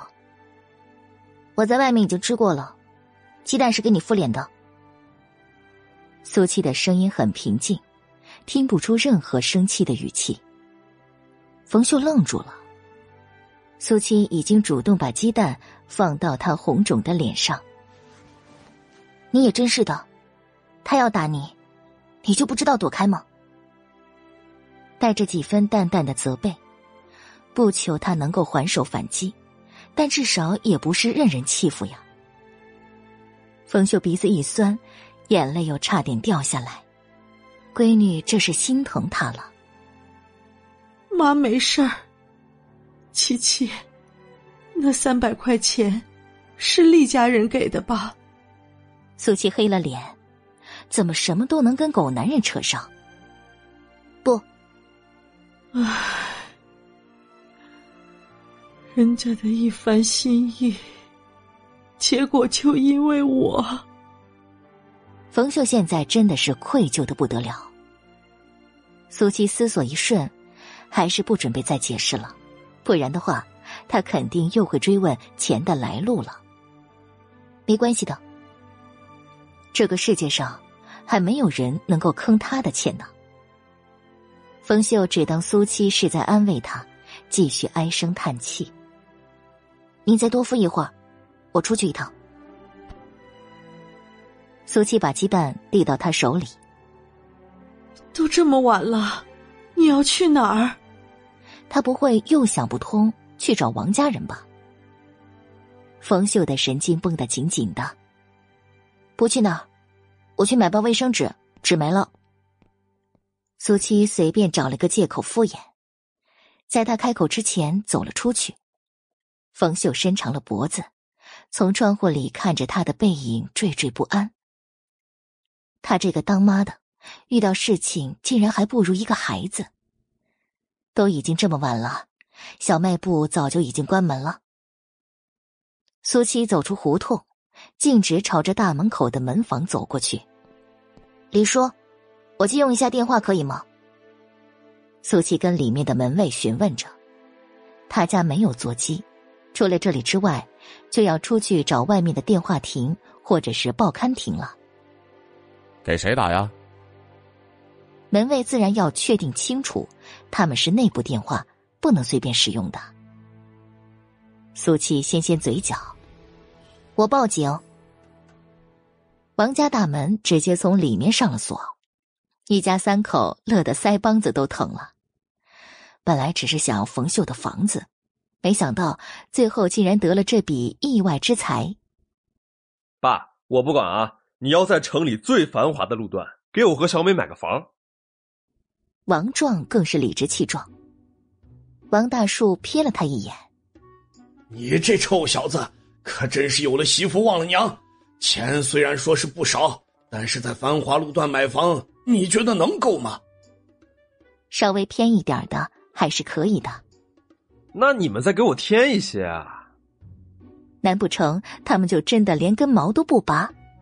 咱们家什么情况，你不清楚啊？”给小美的聘礼，那都是凑出来的。王大树难得严肃了表情，提醒着他。王壮撇撇嘴，忍不住嘟囔起来：“早知道就该说那个镯子是五百块钱买的。”王大树和媳妇对看一眼，哪儿那么多的早知道啊？不过苏七这钱来的也挺蹊跷啊！那对母女不是连日子都快过不下去了吗？怎么会有这么一大笔钱？王兆妈冷静下来，脑子也清醒了几分，屋里有了短暂的安静。不会这钱不干净吧？想到这里，他的脸色有了变化。你管那么多干嘛呀？反正这钱现在进了咱们的口袋，那他就是咱们家的。王大树加重了声音，是在说给他们听，更是在说给自己听的。你去把饭热热，再给我开一瓶酒。今儿晚上呀，真是个值得庆祝的好日子呀！他吩咐一声，又恢复了之前的兴奋和喜悦，甚至已经在心里盘算好了，明天就去外面给儿子看房子去。好嘞，我这就去。王壮妈兴冲冲的出了屋，王大树坐在饭桌前，开心的哼起了小曲儿。七七，时候不早了，你去洗洗睡吧。屋里静悄悄的，冯秀的气色和心情也都恢复了很多，温和着声音跟苏七说着。苏七却摇摇头：“不急，再等等。”冯秀纳闷儿：“等什么呀？你要是困了就先睡吧，明天也不要再去工地了，至少先休息一天。”苏七并不是商量的语气，而是让他必须照做。本来距离他们约定好的月底也没有几天了。我真的没。冯秀想要拒绝，可是话才说到一半，就被苏七的眼神吓了回去。这个时候，院子外的胡同里突然一道亮光晃过，苏七嘴角微微上扬，来了。七七。你干嘛去？冯秀见他下了炕，赶紧询问：“警察来了。”冯秀呼吸一滞，直勾勾的盯着苏七，好像根本没明白他的意思。您别紧张，他们问什么您就说什么，实话实说。苏七说到最后，特意强调着。冯秀已经乱了。苏七出了屋，到了院子，打开自家大门。然后跟外面的人说着什么，片刻之后，他转身走了回来，后面果然跟着两个警察。冯秀紧绷着身子站在屋里，手足无措。这丫头到底在做什么呀？他们进来之后，苏七主动开口：“这就是我吗？”两个警察打量冯秀一眼：“你女儿报警，说你们母女被敲诈勒索了。”冯秀心肝一颤，脑袋都是懵的。报警？什么敲诈勒索？警察叔叔，这个就是王家敲诈我们家的镯子。不等他开口，苏七已经把摔碎的镯子递到两个警察面前。警察接了过去，认真的看起来。我可以肯定，这个东西就是玻璃制品。他们需要我们赔偿三百块钱。而且不给钱就要收我们家的房子，还不让我们母女两个离开。这件事情不少人都亲眼看到的，都可以为我们作证。苏七的语速并不快，叙述的相当的清楚。玻璃的。两个警察抓住重点，也是事件的关键。订阅评论第八十二集。嗯，确实是玻璃的。很快，两个警察就得出了结论。虽然他们也不懂玉，但是这些碎片假的太粗糙了。冯秀呆若木鸡。之前王壮妈妈镯子给他的时候，他只顾着想要赶紧拒绝了，竟然根本没有看出来。现在是不是可以立案了？苏七的声音打断冯秀的思绪。两个警察点点头，用玻璃制品冒充玉镯骗走他们三百块，确实已经构成诈骗了。我们现在就去王家，你们警察叔叔，我妈胆子小，我跟你们过去就行吧。苏七虽然是在询问，可是却是一副做主的语气。啊，可以。整个事件都已经很清楚了，现在需要王家人的口供。片刻之后，屋里只剩下发愣的冯秀一个人，他的脸色无比难看。所以是自己的闺女报警了，他这么做以后跟王家人不就彻底结仇了？想到这些。冯秀真的是心惊胆战，下意识的想要追出去了。警察敲响王家大门的时候，王大树正在屋子里扯着嗓子唱戏呢。他可是好久都没有这么尽兴过了。大树，外面是不是有人敲门呢？王壮妈刚洗了脚，准备上炕睡觉。王大树也总算是消停下来，竖直了耳朵听着。果然是有人在敲门。这么晚了，谁会过来呀？王壮妈没来由的心头一紧，一边说一边想着下炕。你别动，我出去看一下。王大树说了一声，径直走了出去。哎呀，啷个嘞个啷！谁呀？到了院子里，先冲着外面喊了一嗓子。晚上他喝了不少的酒，现在精神正是兴奋的时候。警察，啥玩意儿？王大树直接当成自己听错了，同时也到了大门口。大门打开，当他看到两个穿着制服的警察时，先是愣了一下，然后用力的揉了揉眼睛。除了他们两个之外，旁边还站着苏七，一颗心咯噔一下沉了底儿了。你有事吗？直接瞪着苏七，一声质问。对于两个警察，则是选择了忽视。他这样的态度，更是印证了苏七对两个警察刚刚说过的那些话。两人同样脸颊紧绷，主动开口：“你是王大树。”王大树这才正眼看向他们：“我是，呃，两位大哥。”呃，请问有什么事吗？前一秒的凶狠和现在的嬉皮笑脸，被他转换的淋漓尽致。我们接到报警，你对苏七母女实施了敲诈勒索。王大树瞳孔剧烈收缩一瞬，脸色变得无比难看。简直就是胡说八道嘛！什么敲诈勒索呀？你们千万不要听这个丫头的，她就是个傻子，大院里没人不知道呀。他激动着情绪，急躁的解释起来。两个警察全都皱了眉头，下意识的朝着苏七打量一眼。傻子？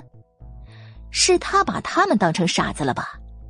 这女孩子口齿清晰，条理分明，怎么可能会是傻子呢？一个小时之前，你借口他母亲打碎了你一家贵重的玉镯，然后要他母亲赔偿了三百块，这件事是真的吧？王大树呼吸一颤，一股不祥的预感涌上心头。是有这么回事儿，他艰难的开口：“那个镯子是我们买来给马上要过门的儿媳妇的，结果被他妈给打碎了。我们也只是要他们照价赔偿而已。这件事情前后院的街坊们全都亲眼所见，根本就不是什么敲诈勒索嘛。”现在他的酒意已经清醒了七八分了。精神更是绷得紧紧的，生怕自己在两个警察面前说错一句话。尤其看着苏七的目光，更像是淬了毒。这个有娘生没爹养的贱丫头，竟然憋着这种坏主意，敢报警了。你说这个是贵重的玉镯？其中一个警察直接把苏七交给他们的碎片拿出来。王大叔一张脸涨得通红，可还是十分坚定的点了点头。嗯，对，就是他，都被摔碎成这个样子了，连修都没办法了吗？他的想法极其简单，这件事情本身就是自己有理在先，丝毫没有意识到有哪里不对的地方。嗯，你承认就好。这个东西刚才我们已经看过了，如果没有看错的话，应该就是玻璃制品。之后会带回去让专家鉴定，在外面恐怕他连一块钱的价值都不到，你竟然要人家赔偿三百块，难道这不是敲诈勒索吗？警察的一番话让王大树顷刻间彻底清醒，猛地一个机灵。呃，两位两位警察同志，呃，不不不是的，呃，这个东西怎么会是玻璃呢？它分明就是玉镯嘛！呃，对对，是玉镯，是我托朋友去大城市买回来的。我真真实实花了三百块钱呀！他也是十分精明的，已经明白了苏七到底在打什么样的小算盘。仅仅只是一瞬，便已经确定，一定要一口咬死自己就是花了那些钱买到的，不然的话，岂不是真的被这个傻子安上了敲诈勒索的罪名吗？说完之后，他咬牙切齿的看向苏七，这件事他记在心里了。过去之后，他跟苏七没完。两个警察全都严肃了表情。如果他坚持自己确定是花三百块买到的话，那这个敲诈的罪名就不好成立了。虽然他们也觉得这是不太可能的事情，气氛一时间陷入焦灼。你说是托朋友去大城市买的，那把票据或者是收据拿出来，还有你的朋友是谁？这些是不是都应该有个交代呢？这个时候，苏气的声音响起，他的话直接提醒了两个警察。王大叔脸色要多难看就有多难看，这个镯子确实只是他从外面小地摊上随便买来的，也才只花了几毛钱而已，他去哪里找什么收据呢？我没有，我朋友买的时候也没跟我说有啊。现在也只有硬着头皮不承认了。警察大哥，那我们现在是不是应该找他所谓的朋友核实呢？苏七心里一声冷笑，今晚王大树嚣张的日子也该到头了。王大树呼哧呼哧喘着粗气，杀了苏七的心思都有了。呃，现在都这么晚了，等明天。别说是一个晚上。哪怕是只过一个小时，你都有可能和外面的人串通一气了。订阅评论，别忘记，精彩故事再继续，我们下集见。第八十三集，大叔，这是怎么回事啊？王壮妈见他半天都没有回去。也从屋里走出来，看到竟然有警察在的时候，直接被吓了一跳。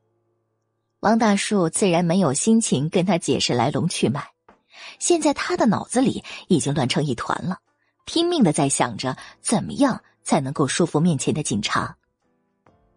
你现在就跟我们走一趟，去见你的朋友。果然，两个警察完全听了苏琪的话，直接催促一声。王大叔僵在原地一动不动，哪里有那个朋友啊？苏七这次直接笑出了声了，双手抱在胸前，轻蔑了神色。哼，警察大哥，你看他这个样子，也知道是在说谎了。而且他口口声声说，那个玉镯是自己花了三百块钱给未过门的儿媳妇买的聘礼，可是整个大院子里的人谁不知道？他家的日子过得也并不富裕，哪里来的那么大一笔钱呢？他分明就是故意栽赃陷害，然后对我们家敲诈勒索，想要霸占我们家的房产罢了。而且他这个心思，也不是什么一时兴起，这件事情他已经谋划了好久了，跟我妈也说过几次，可是每次都被我妈拒绝了。苏七，你给我闭嘴！王大树狰狞了神色，垂在身侧的双手紧握成拳，愤怒的吼声几乎从嗓子里硬挤出来。他现在终于明白了，为什么他那么轻易的就给了自己三百块钱，而且给钱的时候一定要拿走那些镯子的碎片。原来在那个时候，苏七就已经打好了这样的主意了。这个贱丫头，实在是太可怕了。苏七丝毫不掩饰自己对他的幸灾乐祸，自作孽不可活。警察大哥，其实这件事情也不是他一个人所为，他的媳妇儿还有儿子王壮，应该全都是知情者。当然是一个都不能放过的。王大树胸膛剧烈的起伏着，因为愤怒，额头上的青筋都突突的跳起来。苏七，他怎么敢？王壮妈这个时候也终于听明白了。冷汗瞬间湿透了衣衫。我我们我们没有，没有。由始至终整个事件，你们母子也全都在场。苏七似笑非笑补上一句，可是脸上的神色却冷漠至极。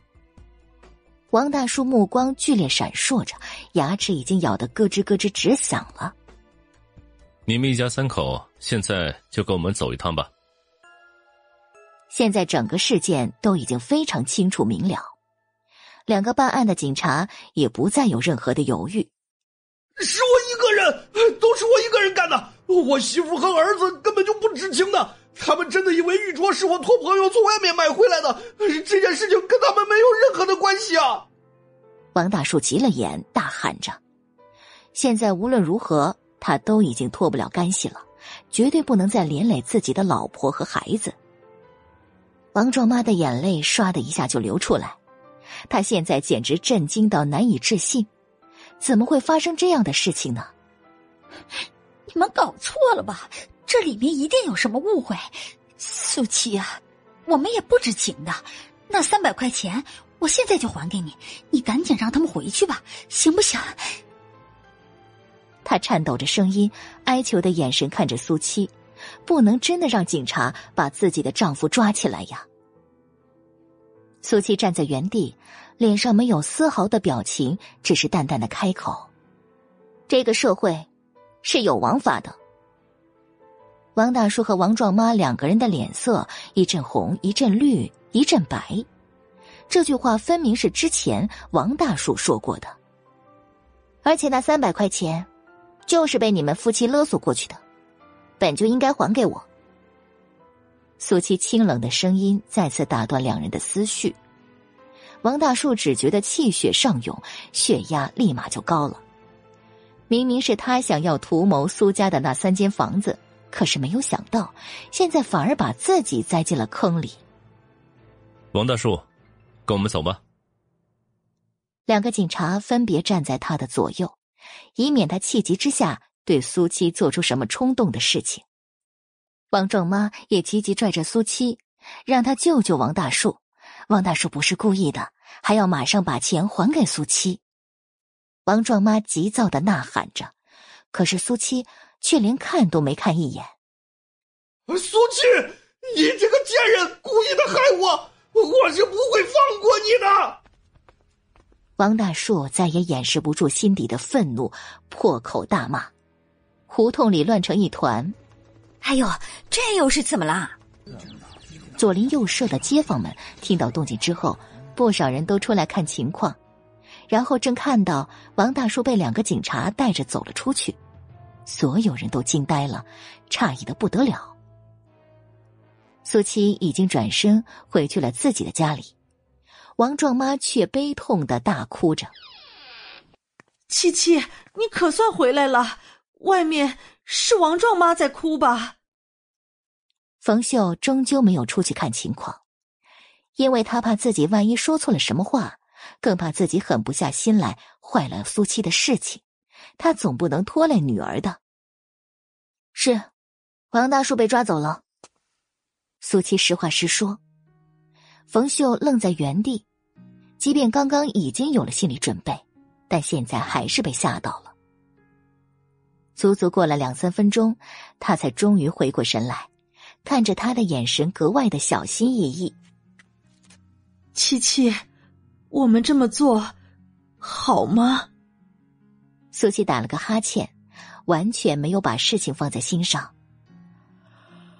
唉，我知道您在想什么，但是王大树惦记咱家的房子，也已经不是一天两天了。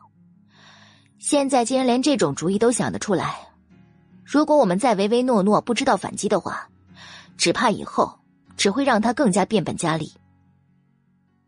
苏七现在的原则就是人不犯我，我不犯人，跟之前的他比起来，当真是已经收敛太多了。那他会怎么样？冯秀心里总是不安的。跟王大树做了快二十年的邻居了，他太了解这个人了，心胸很小，而且做人又霸道，心狠手辣的。等他回来了，那麻烦的还是他们母女呀。苏七看着冯秀这副紧张的模样，反而更加轻松了语气。他做错了事情，自然要接受惩罚，国家是有法律的。您是受害者，什么都不用担心，王家人也不敢对你怎么样。说到最后，苏七深邃了眼眸。这个家有他在，别说是一个王大树，就算十个、一百个，也翻不出水花。冯秀看着这样的苏七，突然觉得面前的女儿已经完全跟以前不一样了。爆点击，快订阅！精第八十四集。清晨，太阳才刚刚升起不久，大院儿便热闹了起来。哎，听说了吗？王大叔啊，昨天被警察抓走了。刚听说，是苏七报警了。他被打碎的那个镯子哪儿是什么玉啊？就是个玻璃的假货。哎呦，他也太损了，就是为了坑冯秀那三间房，所以现在不就自作自受了？不过我怎么还是觉着这事儿处处透着不对劲儿呢？王大树的心思不用说了，可这苏七哪儿来的三百块钱呢？而且他当时啊，可是痛痛快快的就把这钱给给了，转身就报了警。女人的一番话，顿时让四周围都安静下来，所有人都面面相觑。这么听起来确实有问题，难不成？苏七给钱的那会儿，就已经想到要报警了。片刻的寂静之后，一道坚硬的推测声响起，所有人都愣住，气氛一下子变得无比的诡异。冯秀，开门呐！冯秀和苏七刚刚吃过早饭，王壮妈就砸了他家大门。冯秀的精神瞬间紧绷，手心里更是出了一层冷汗。我去看看。苏七安慰着语气，然后走出去。冯秀实在不放心，跟着到了院子里。大门打开，王壮和他妈都站在门口。看到苏七之后，王壮更是直接凶狠了表情。可是他并没有马上发作，而是等着他妈开口说话。苏琪，三百块钱我给你，你就放过你王叔吧。虽然钱重要，但是人更重要。王壮脸上写满了不情愿，钱还了，那就等于儿媳妇也没有了。可是昨天一整个晚上，他妈甚至都已经以死相逼了，所以他才答应把这些钱拿出来的，真是便宜他了。苏七只是淡淡的看了一眼递过来的钱，却根本就没有伸手去接的打算。这是你家敲诈勒索我家的钱，你们最好先送去警察那边。王壮妈惊愕的僵在原地，第一次体会到了苏七的难缠。苏七，你不过就是为了要回这些钱罢了，或者你想让我们给你们家赔礼道歉，我也愿意的。苏七脸上一抹冷笑，谁说他只是为了拿回这些钱呢？他是要把王大树送进监狱。苏七，你别给脸不要啊！妈都已经这么低三下四了，你还想怎样？王壮气势汹汹，一声怒吼。苏七凉凉的瞥了他一眼：“那你们滚啊！在我家门口乱叫什么？”王壮差点被气歪了鼻子了，蹭的一下上前一步，就想要跟苏七动手。苏七站在原地，眼底一抹戾气升腾。王壮竟然被他的目光吓得停住了动作，脑子里自动浮现出昨天晚上他踹他爸的那一脚，一股凉意顺着后背窜上了头顶。大，壮，你冷静点啊！刚好这个时候，王壮妈一把拽住了他。妈，你别拉我！这个贱人分明就是想要搞咱们家。虽然嘴上嚷嚷的凶，可是却没有真的冲过去。王壮妈看着苏七一副无动于衷的样子，知道他是不肯答应了。不过还有冯秀，冯秀，你快出来呀！我们是真心实意过来跟你们家和解的呀！你就大人不计小人过，原谅大叔这一次，给他一个机会吧。他的视线透过苏七，看向站在院子里的冯秀。这个女人平常可是最没有主见，耳根子软了。果然，冯秀真的朝他们走过来。他在后面也都听明白了，他们是来还钱的，然后让苏七撤案的。您怎么出来了？苏七皱了眉头，这件事可不是他的性子能够处理的范围。不过，还没等冯秀开口，王壮妈已经哽咽着声音打起了感情牌。冯秀儿，虽说这些年咱们两家人的关系是疏远了一些，但是之前的那些美好日子你都忘记了吗？咱们前后院的住着，虽然不是亲人，但却胜似亲人呐。苏七已经有了几分不耐烦，闭嘴！王壮妈竟然真的听话不说了，只是用哀求的眼神看着冯秀。冯秀的神色非常为难。下意识拉住苏七的手腕，苏七眼底一抹阴霾。如果冯秀真的为王大树那种人求情，那他也真的会被气死的。王壮妈心里已经有了几分底气。冯秀终于结结巴巴的开了口了，不过他不是对苏七说，而是对王壮妈。这这事儿，我还是听七七的。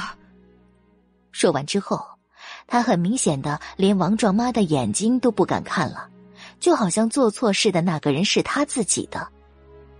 苏七放松了表情，心里更是欣慰了不少。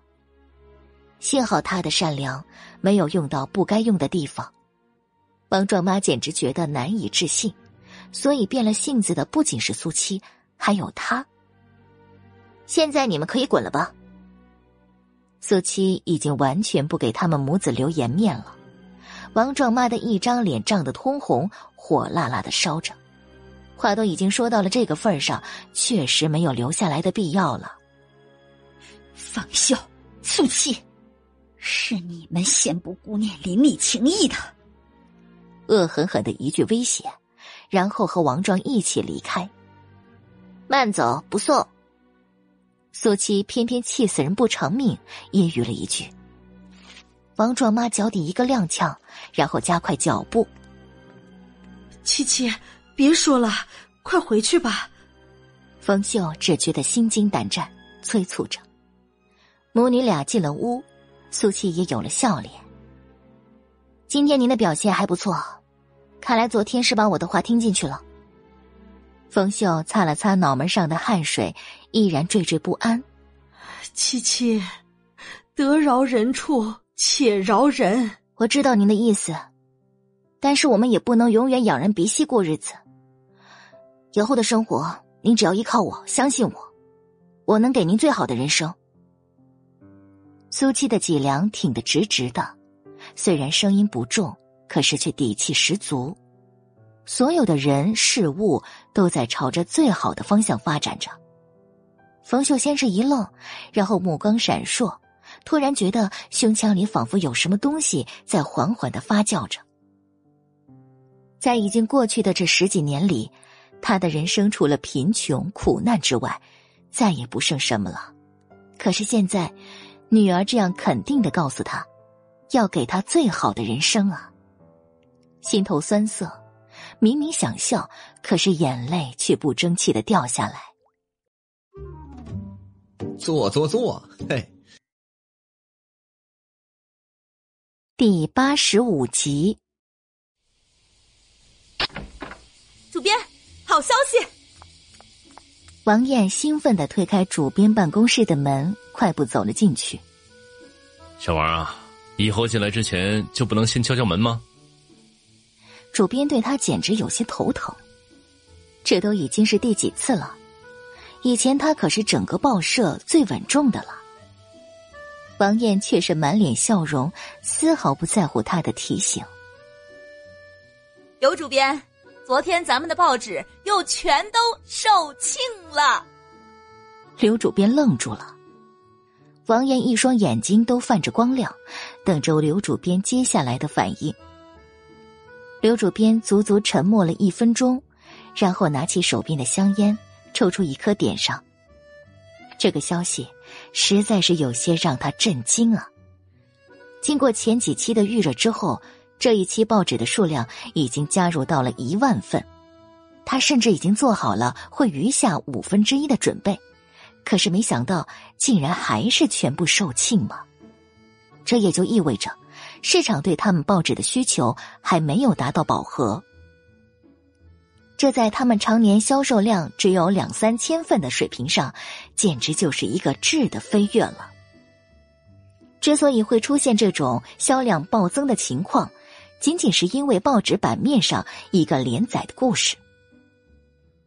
不错，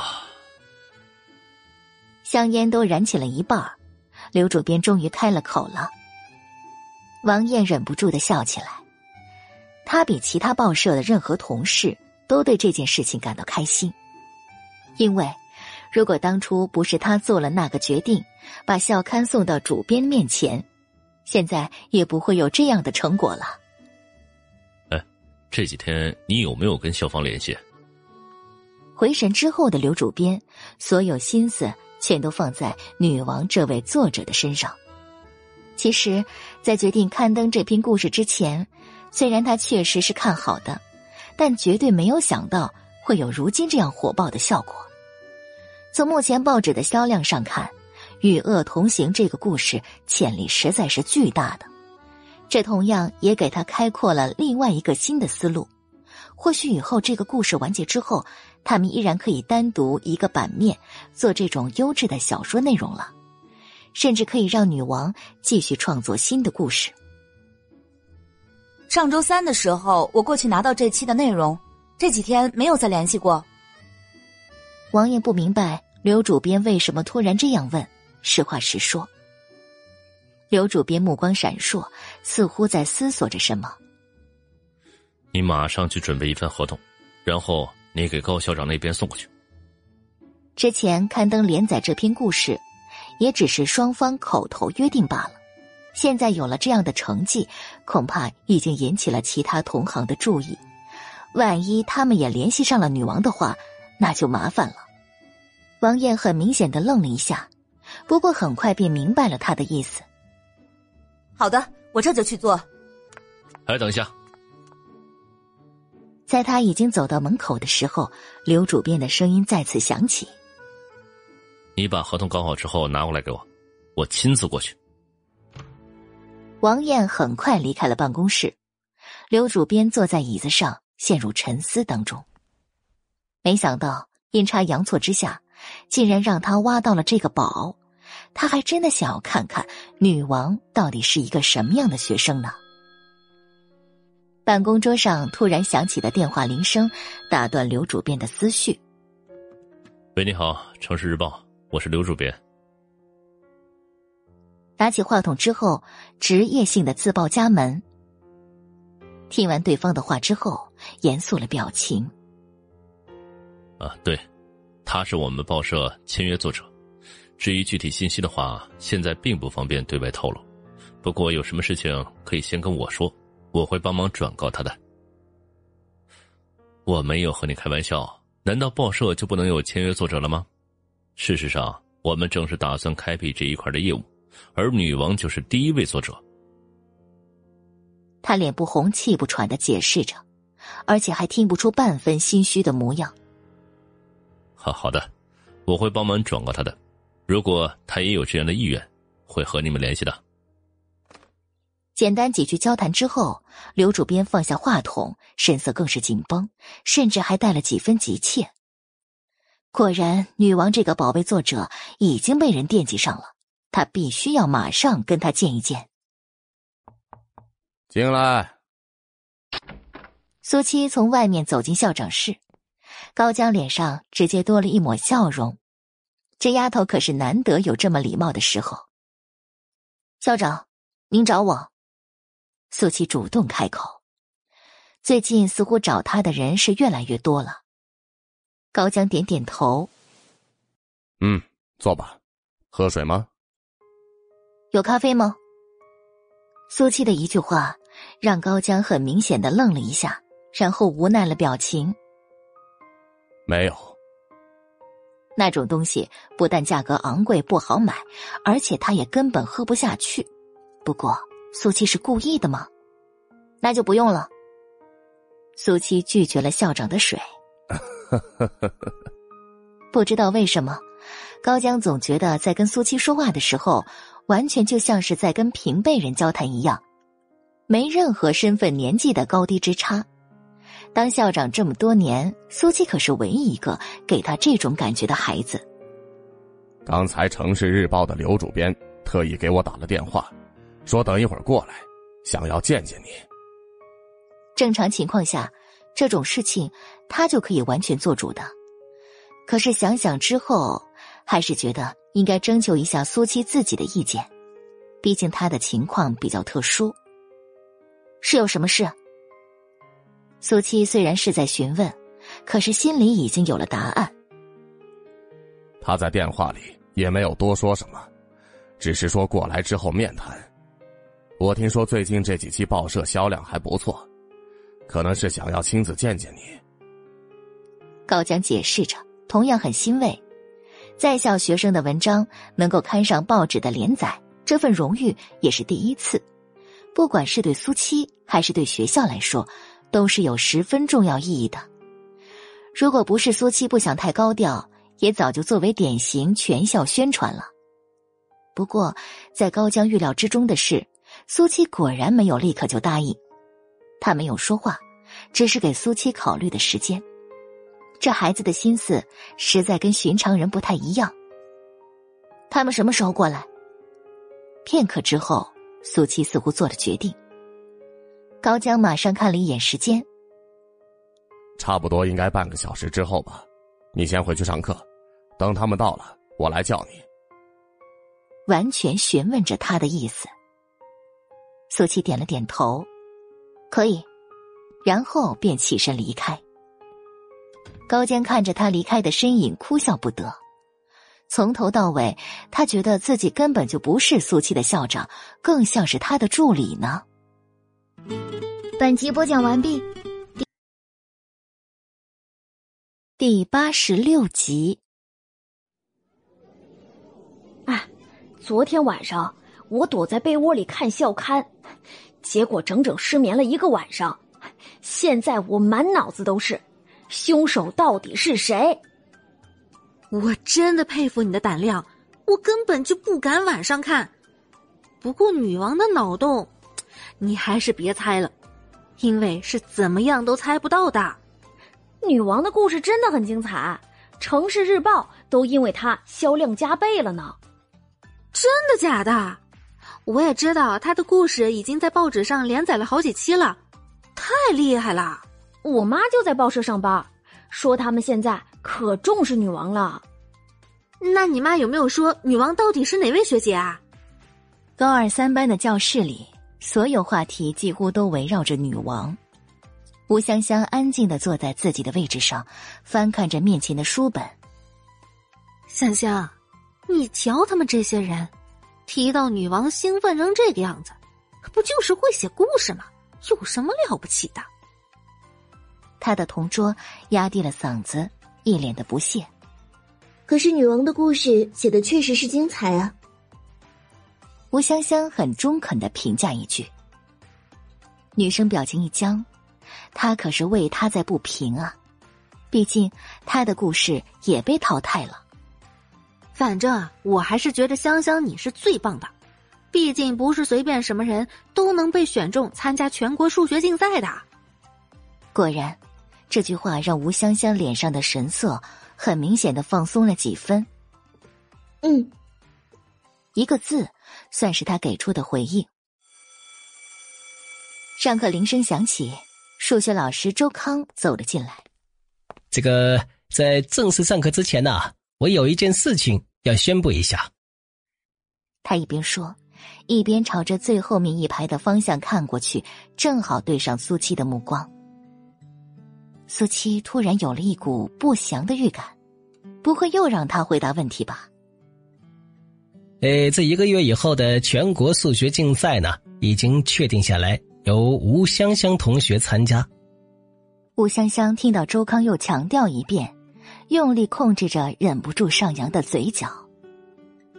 这场比赛啊，是关系到咱们圣德高中的荣誉，整个高二年级也只有最出色的四名同学才有资格推荐参加。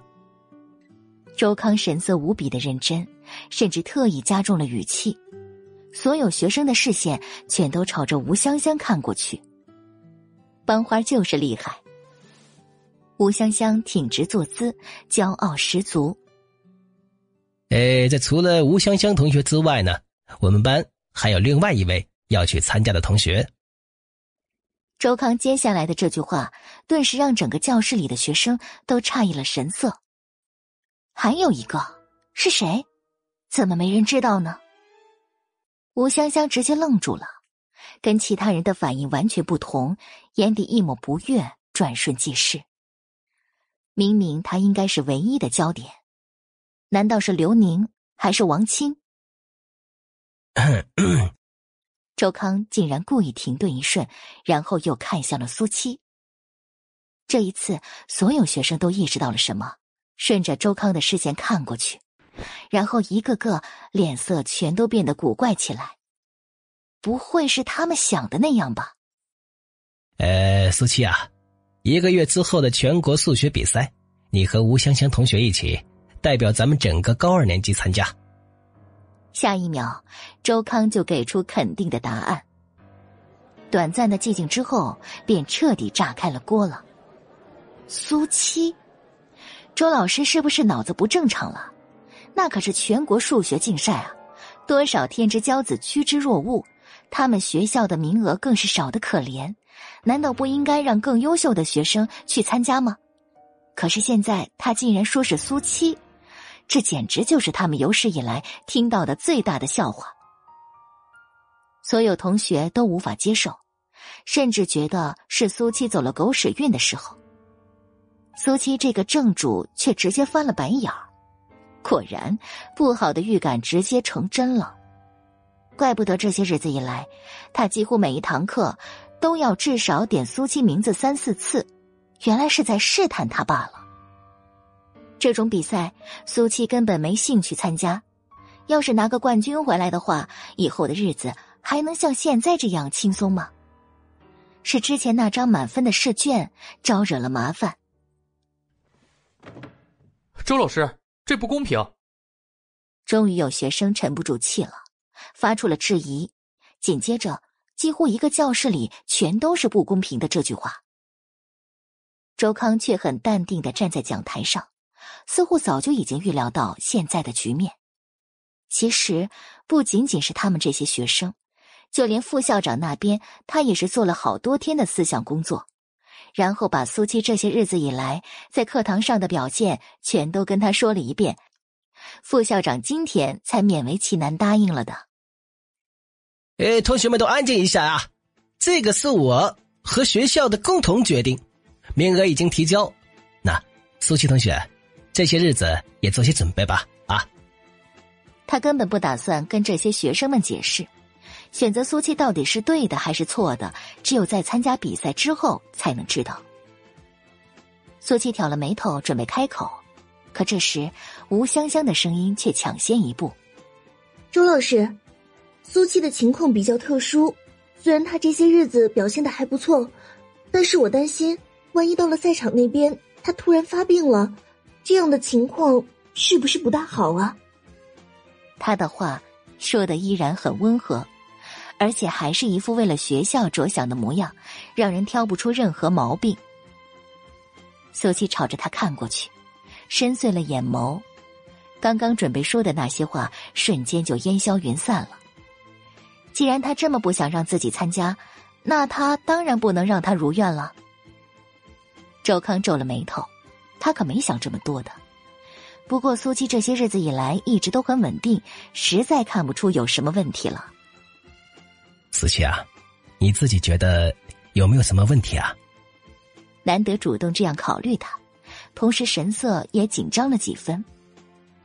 他可是在副校长那边信誓旦旦的保证了的，如果还没有去，苏七就出了问题的话，那就丢人了。苏七这一次竟然很痛快的点了点头。我完全没有问题。吴香香和其他的同学都愣住了，周康长长的松了口气，竟然觉得有了几分欣慰。真的没想到苏七这样的学生也能让他有如此看重的时候。周老师，这种事情他自己恐怕也不能。吴香香同学，你为学校和同学们着想的心情，我能够理解，但是这件事情。已经决定了，你是苏七的班长，你们两个又要同行，以后彼此之间呢，更要互相照顾。周康打断吴香香后面的话，告诉他，也告诉所有人，不可能再有改变。订阅评论别。第八十七集。啊，女王的故事呢确实不错，说句实话，也多多少少带动了我们的销量。所以今天我过来呢，主要是想要见一见她，聊一聊故事以后的发展，全篇的字数这些详细的内容。刘主编和王艳坐在高江的办公室里，刘主编主动说明了来意。不过他的这番话让王艳低垂了眼帘，勉强维持着表情管理。他家主编也实在是太狡猾了，明明是特意过来上赶着要求人家签约的，可是却先摆出这么一副高姿态，让校长觉得是报社在给女王机会。高江尴尬而又不失礼貌的笑着，他怎么听说的是故事很畅销呢？呃，这些我也不太清楚啊，等一下他过来了，你们聊就好。说完，径直端起面前的茶杯，他还真的有些期待苏七过来跟这位主编的对话了。刘主编点点头，嗯，这位同学也算是有些文采了，果然是学校培养的不错。高强干咳一声，竟然无言以对。别的孩子也就算了，可是苏七，还真的跟学校培养的关系不大。这时候敲门声响起，他主动起身过去开门，看到苏七之后微微一愣：“进来吧，刘主编他们都在里面呢。”刘主编和王艳都打起了精神，朝着门口看过去。他们也全都好奇，能有这种天赋和文采的学生会是什么样子的。不过下一秒，两个人也愣住了：怎么还戴着口罩啊？呵呵呵呵刘主编呀，这位就是《与恶同行》的作者女王。高江主动介绍，让两个人回了神。既然苏七选择戴口罩过来，就说明他不想在他们两个人面前透露身份，所以他也只是说了他的笔名。苏七竟然给了他一个赞赏的眼神，高江也完完整整的接收到了，哭笑不得。刘主编却微微皱眉，这个学生也实在是太不懂礼仪了吧？王艳马上就意识到他的情绪变化，赶紧开口跟女王介绍：“这是他们城市日报的刘主编，自己呢是城市日报的记者王艳。”苏七只是对着两个人点点头，算是打过招呼了。你们找我有事吗？没有任何的闲聊，直奔主题。刘主编递给王艳一个眼神，显然是觉得自己没必要屈尊降贵了。王艳心领神会，重新看向苏七。是这样的，你的故事最近几期一直都在我们报纸上做连载，这你是知道的吧？嗯，效果还是不错的。今天我们过来也是想要聊聊这个故事。你大概要预计有多少字呢？王爷看不到他的表情，所以只能通过他的眼神来判断他的情绪。这样的沟通对他来说也应该是大有裨益的，所以他应该会很配合吧。啊，你最好给我们一个总字数，方便我们安排接下来的版面和交接。刘主编在他说完之后，很淡定的又补上一句。不过他说的时候，可是都没有看苏青一眼。这个恐怕不行。苏七的声音听不出任何情绪，但是却让刘主编和王艳同时愣了一下。因为更新的内容要看我的心情，我心情好的话，可能他会被拉得很长；如果我不想写了，可能下一期就直接完结了。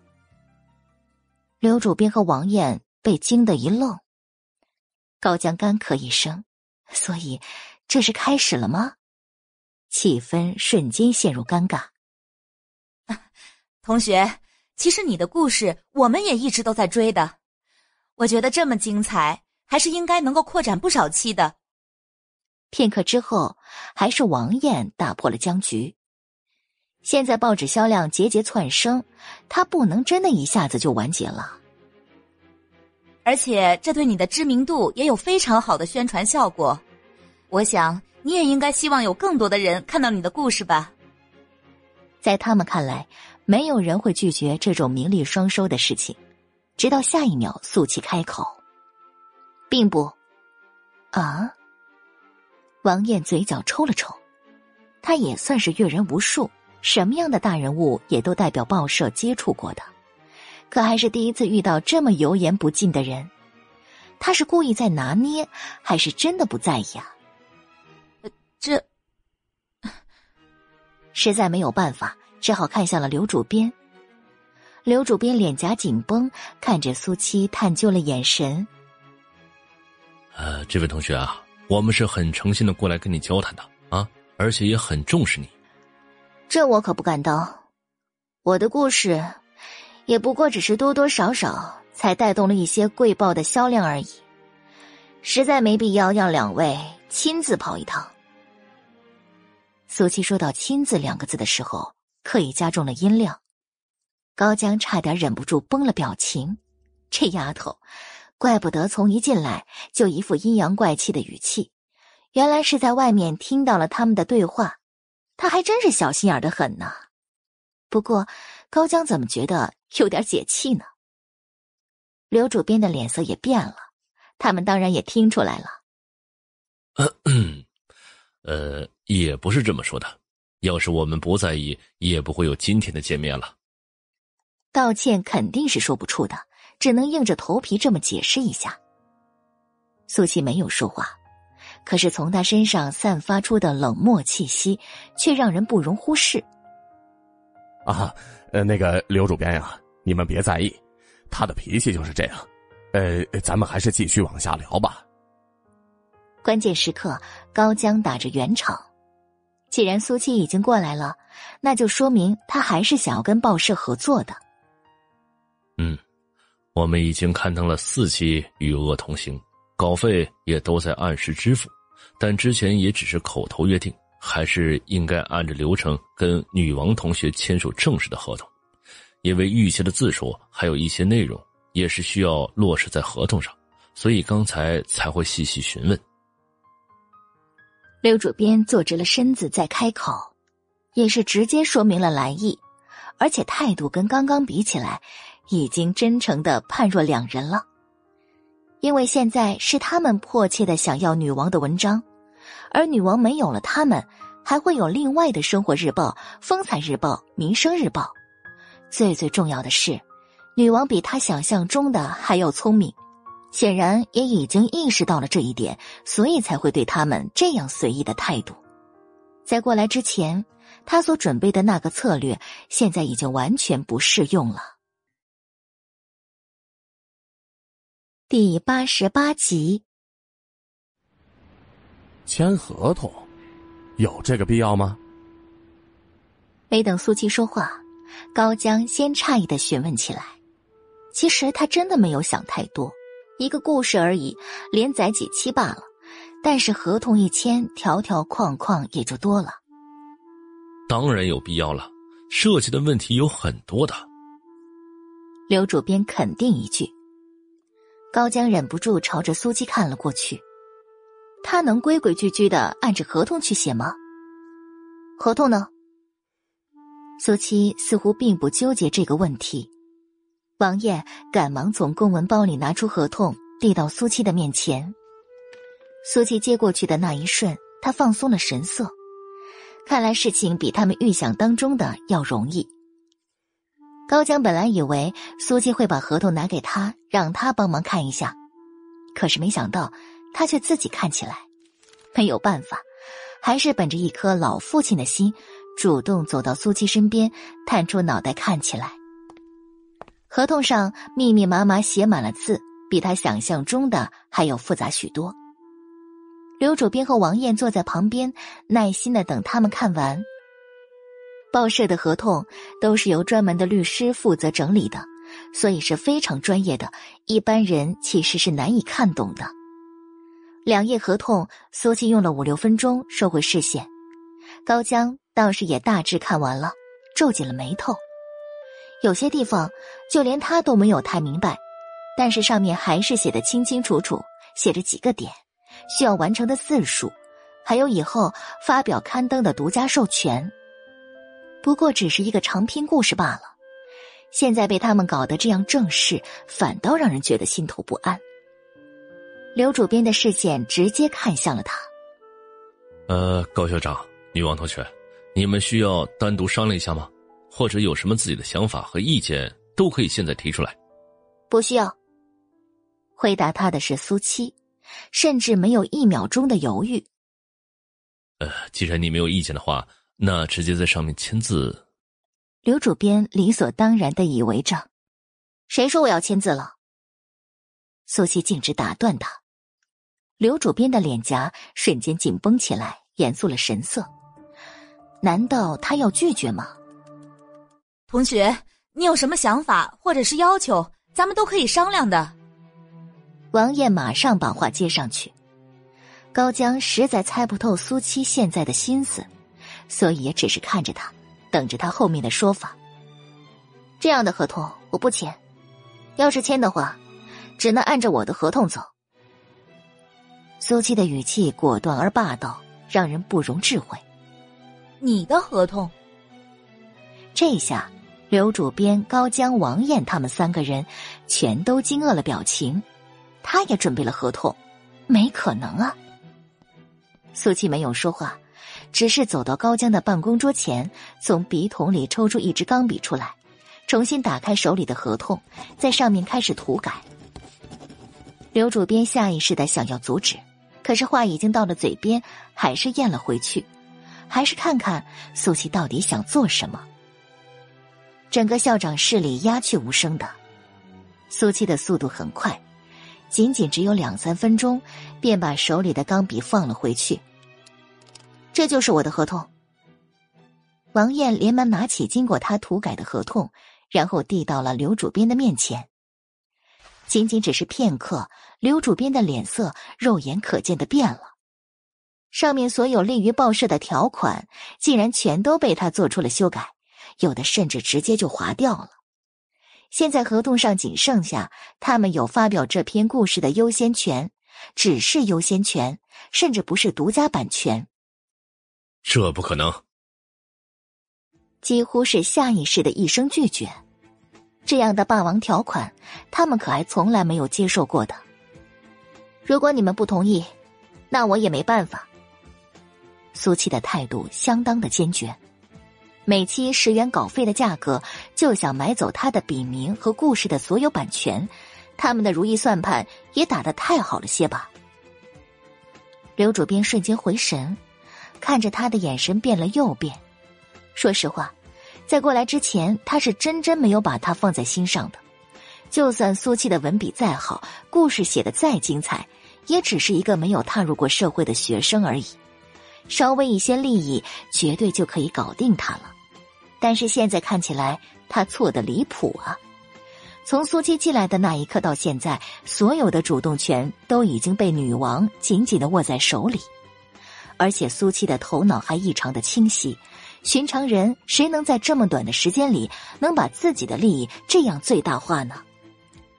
呃，女王同学，你要为我们报社考虑到，一期报纸的运营各方面都是需要成本的。你故事在我们报纸上连载是完全互惠互利的状态，现在你把所有权都拿过去，甚至还可以在其他报纸上二次刊登你的故事，那我们的利益又怎么能保证呢？他凝重着声音。做梦都没想到有一天会跟一个孩子做出这样的谈判，而且我看你连后面的稿费都划掉了，是对这方面不满意吗？是不太满意。虽然他说了一长串，可是苏七却只是言简意赅的回了他这五个字：“同学，每期十元的稿费已经很多了，咱们之前也一直都是这样的。”王爷耐着性子提醒他：“嗯，以前是这样，但是你们今天不是过来了吗？所以当然要涨价了。”苏七没有任何的扭捏，“涨价”两个字脱口而出了。王艳和高江都愣了。这女王的意思是，他们来找他了，那女王的稿费也就水涨船高，确定不是趁火打劫。我的故事。一定会为贵报社增加了很多销量吧，翻倍或许都不止呢。不然的话呢，也不会主编亲自过来了。如果前期一千份的报纸销量，我只收你们十元一期的稿费；但是，因为我的故事为你们达到了五千份的报纸销量，我还是收十元一期的稿费，那岂不是显得我的故事太廉价了吗？苏七很淡定的解释着。刘主编一张脸涨得通红，还是第一次遇到这么会算计的人呢。话不是这样说的，你的故事看的人多了，甚至到了可以家喻户晓的程度，这才是你最大的财富啊！苏琪竟然呵呵一笑，哼，名利双收，没人不喜欢。但是现在的我，更要把我的故事当成是生意来经营。生，生意。刘主编简直难以置信，难道这样贪财市侩，他还觉得是一件光荣的事情吗？哎，别走！第八十九集，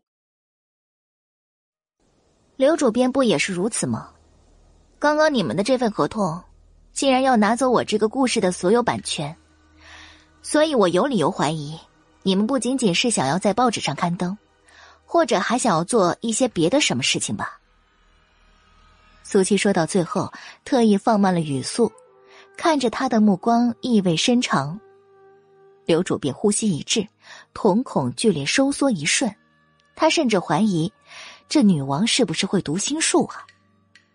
事实上，他在出来之前接到的那个电话就是出版社打去的。出版社那边竟然都留意到了他的故事，想要找女王的联系方式，问女王有没有意愿把故事写成几十万字的长篇，走实体出版。当时他是敷衍过去了，因为担心一旦有了出版社那边，那女王会终止跟报社的合作，直接发全书发布。坐在旁边的高江始终都没有插上话，现在更是竖直了耳朵听着。特别是刘主编此时此刻的神情，就好像是被苏七说中了一样。这丫头也太聪明了吧？怎么能够想到这一点的？同学，你想的太多了吧？我们可是报社，哪里会有别的什么事情了？合同也是报社的律师帮忙整理的，应该是按照所有的正常条款放在里面的。王艳根本就不知道出版社打电话的事情，所以解释的理直气壮。刘主编的神色有些不太自然了，再不说会被打脸的。呃，你是一个在校的学生，这方面的事情呢，应该都不太懂的。我们是真的很看重你的这个故事，所以才想着拿到故事的全部版权，方便后面有什么操作。但是你是这个故事的作者，有绝对的话语权的。他的这番话简直就是此地无银了，就连王艳都忍不住扭头朝着他看过去，无声的询问：“难道后面还真的有什么其他的操作？”苏琪笑起来：“谢谢刘主编的一番好意了，但是我更喜欢自己的东西自己拿着。”这样的交谈再次陷入了僵局当中，必须要有一方做出让步，而现在。就要看看是哪一方更加迫切了。那你想要多少稿费？终于还是刘主编先开了口，至少要知道他的心理预期。苏七直接伸出一只手掌，五十元一期。即便是有了心理准备，刘主编还是忍不住倒吸了一口凉气，简直就是在狮子大开口啊！不可能。同学，你是不是把报社的利润想的太高了？我们现在一份报纸才一毛钱，除去成本，毛利润只有三分钱左右。一千份的报纸才赚三十元，还有工作人员的开支，这些都是要计算在里面的。就连高江也都紧绷了脸颊，觉得苏七要的太高了。如果一个月刊登四期的话，那就是二百块。就算是他这样的职位，一个月的工资还有各项补助加在一起，也才不到六十块而已。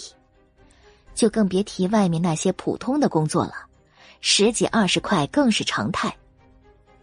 那个苏，呃，呃，那个女王啊，要不你再让一让？情急之下，差点喊出他的名字，苏七却直接摇摇头，气势十足。我的文章就值这个价格，你们觉得高，可是我却还是觉得低呢。高江皱紧了眉头，他还是了解苏七的性子的。既然苏七现在这样说，那就肯定没有改变的余地了，只得重新看向刘主编他们。刘主编和王艳两个人的脸色也都不太好看，这样的价格根本就已经超出他们的承受范围之内了。可是拒绝的话语到了嘴边，却怎么都说不出口了。两人同样心知肚明，现在报纸每期的销量已经达到了一万份，后面甚至有可能还会继续冲击新高。一万份的利润支出五十，跟只有两千份销量的利润比起来，显然前者还是要合算的。最重要的是。他们报社的市场占有率也可以有一个质的飞跃，这可是多少金钱都换不来的。苏琪也不催促，只是耐心的坐着等待他们的决定。其实他们现在的迟疑就已经给出了答案了。王爷也不敢说话，这种事只能主编定夺。短暂的寂静之后，刘主编沉了口气：“这么高的稿费。”即便是很有名气的作者，也不过如此了。但是我们却只能拿到你文章的优先发布权，这对我们来说并不公平。苏七嘴角勾起一抹淡淡的笑意。既然刘主编这样诚心的想要跟我合作，那我倒是也可以再退一步，优先权改成独家发布刊登。刘主编看着苏七那双带着笑的眼睛，突然就意识到了什么。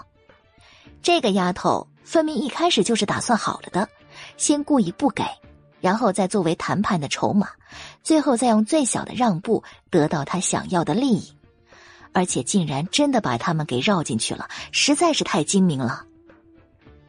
那你还要答应我一个条件，并且落实在合同上面，在故事完结之前不允许在其他。包括但不限于报纸、书籍上发布。苏琪深邃了眼眸，也总要保证我们报社的权益吧。刘主编见他竟然还在犹豫，加重了自己的语气。这个时候，高江也递给苏琪一个眼神：“可以了，好吧，我同意。”苏琪终于答应下来，可是刘主编却哭丧了脸。这份合同完全就不符合他的心意，虽然他再不满意，但是合同还是要签的。马上就让王艳重新整理，就连再等一等都不行了。这个女孩子精明到可怕，合同晚一秒，他心里都不安。而且外面还有多少人在虎视眈眈呢？半个小时之后，双方在重新拟定好的合同上签了字，按了手印。女王同学，以后咱们就合作愉快。唯一值得庆幸的是，女王承诺他们与恶同行这个故事至少还会再刊登十期以上。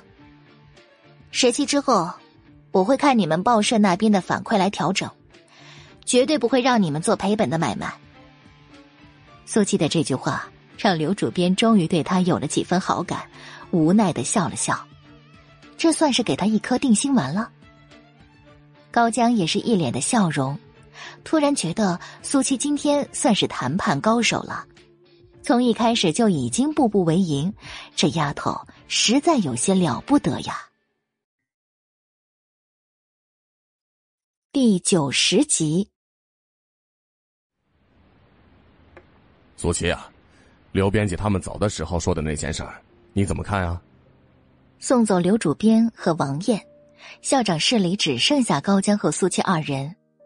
高江的脸上带着一丝隐隐的兴奋，他现在终于明白刘主编为什么那么迫不及待了。原来竟然连出版社都已经在联系女王了。如果女王的故事真的能出版成书的话，那就意义非凡了。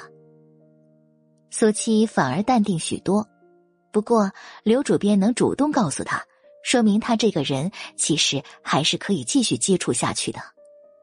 我最近很忙。高江愣了，这是什么意思啊？你这丫头，就不能把话说明白吗？素琪突然幽怨了眼神。马上就要运动会了，我要参加，还有全国数学竞赛，竟然也有我的份儿。我还要抽出时间写故事。高校长，您觉得我忙不忙啊？嗯，一时间，高江竟然无言以对了。不过数学竞赛的名额，周康竟然真的定给了他了。时间挤挤还是有的嘛。不过出版的事情，现在倒是也不急，毕竟故事还要一段时间才能完结呢。你安安心心的准备运动会和数学竞赛吧。说到这里，他停顿下来，想了想，又补上一句：“学校看好你。”苏七淡淡的看他一眼，果然不出他的所料。进来。王昭推门而入，看到房间里除了立业，竟然还有一个女人的时候，直接愣住了。女人有一张十分美艳的脸蛋，凹凸有致的好身材，在长裙的勾勒下更是动人心魄。老大什么时候认识了这么漂亮的女人了？老大真的转性了？什么事儿？立业的声音响起，王昭赶紧收回了视线。老大，之前您吩咐我找的人已经找到了，他这周会来搏击场。王昭跟他汇报。为了找到那小子，他可着实费了一番心思。不过李虎那边已经确定了，那小子周末会过来。立业点点头。后面的事儿知道怎么做了吧？知道。王昭说完，可是却依然站在原地，没有离开的意思。还有事儿？王昭忍不住又朝着女人的方向看了一眼，欲言又止。说。立业的语气里带着一丝不耐，是关于苏小姐的。前两天她家里出了些事情，还惊动了警方。王昭不敢再有犹豫，之前老大可是吩咐过，要把苏小姐所有的事情都事无巨细的调查清楚的。果然，立业直接皱了眉头。他又怎么了？是因为跟邻居之间的冲突，然后他把对方送进了警察局。王昭很识相，没有说太清楚，毕竟他不知道这个女人跟老大到底是什么关系。要是坏了老大的好事，可就是他的罪过了。知道了，出去吧。立业觉得没必要再问，吃亏的肯定不会是那个丫头。王昭这才走了出去。叶，苏小姐是谁呀？只剩下两个人的房间里，女人软软糯糯的声音响起。他看着立业，三分探究，七分调侃：“你不需要知道的人。”明熙微微一笑，一张脸犹如娇俏的花朵。我只是好奇而已，认识你这么久了，还是第一次听到一个女孩子。难道你不是女孩子？立业反问一声，他的笑容更是灿烂。我们的关系是不同的，你可是我最好的朋友，不是亲人，胜似亲人。宁熙忍不住强调着这一点，一双眼睛紧紧落在立业的身上。立业的表情很明显的放松了许多。不过你们大学都这么闲的吗？我又不是学生，我只是代课的音乐老师而已。最近失恋了，心情不好，所以特地来你这里放松心情的。宁熙一边说，一边观察他的反应。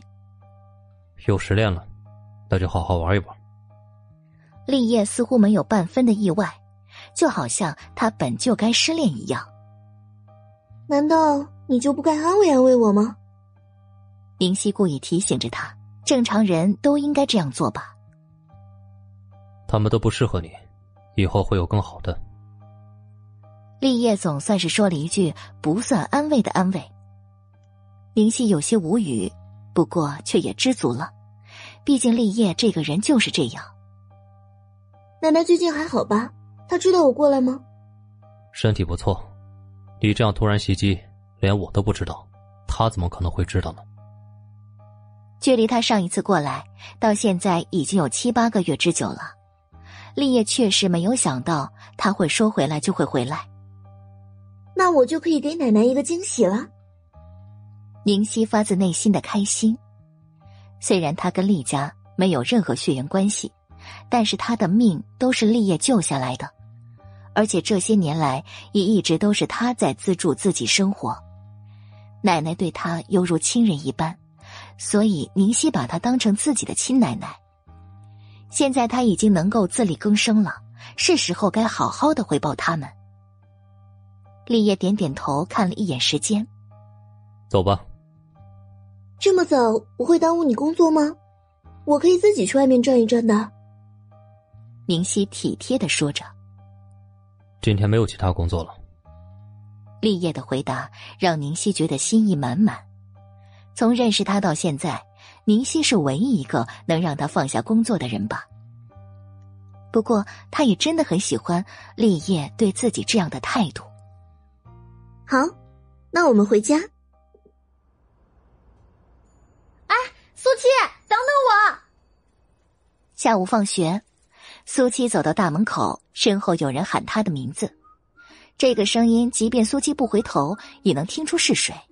片刻之后，赵蕊出现在他的视线当中。一起走啊！他热络的主动开口。苏七愣了愣，如果不是这丫头表现的太自然，他甚至要怀疑她是不是已经认出他就是齐苏了。不同路。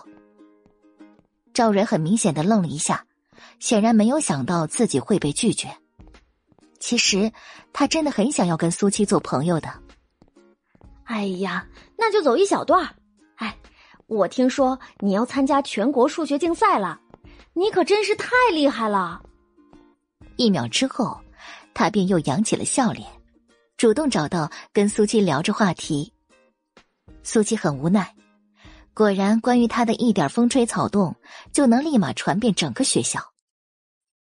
赵蕊一个人有说有笑，完全没有留意到身后有人跑过来。小心！哎呀，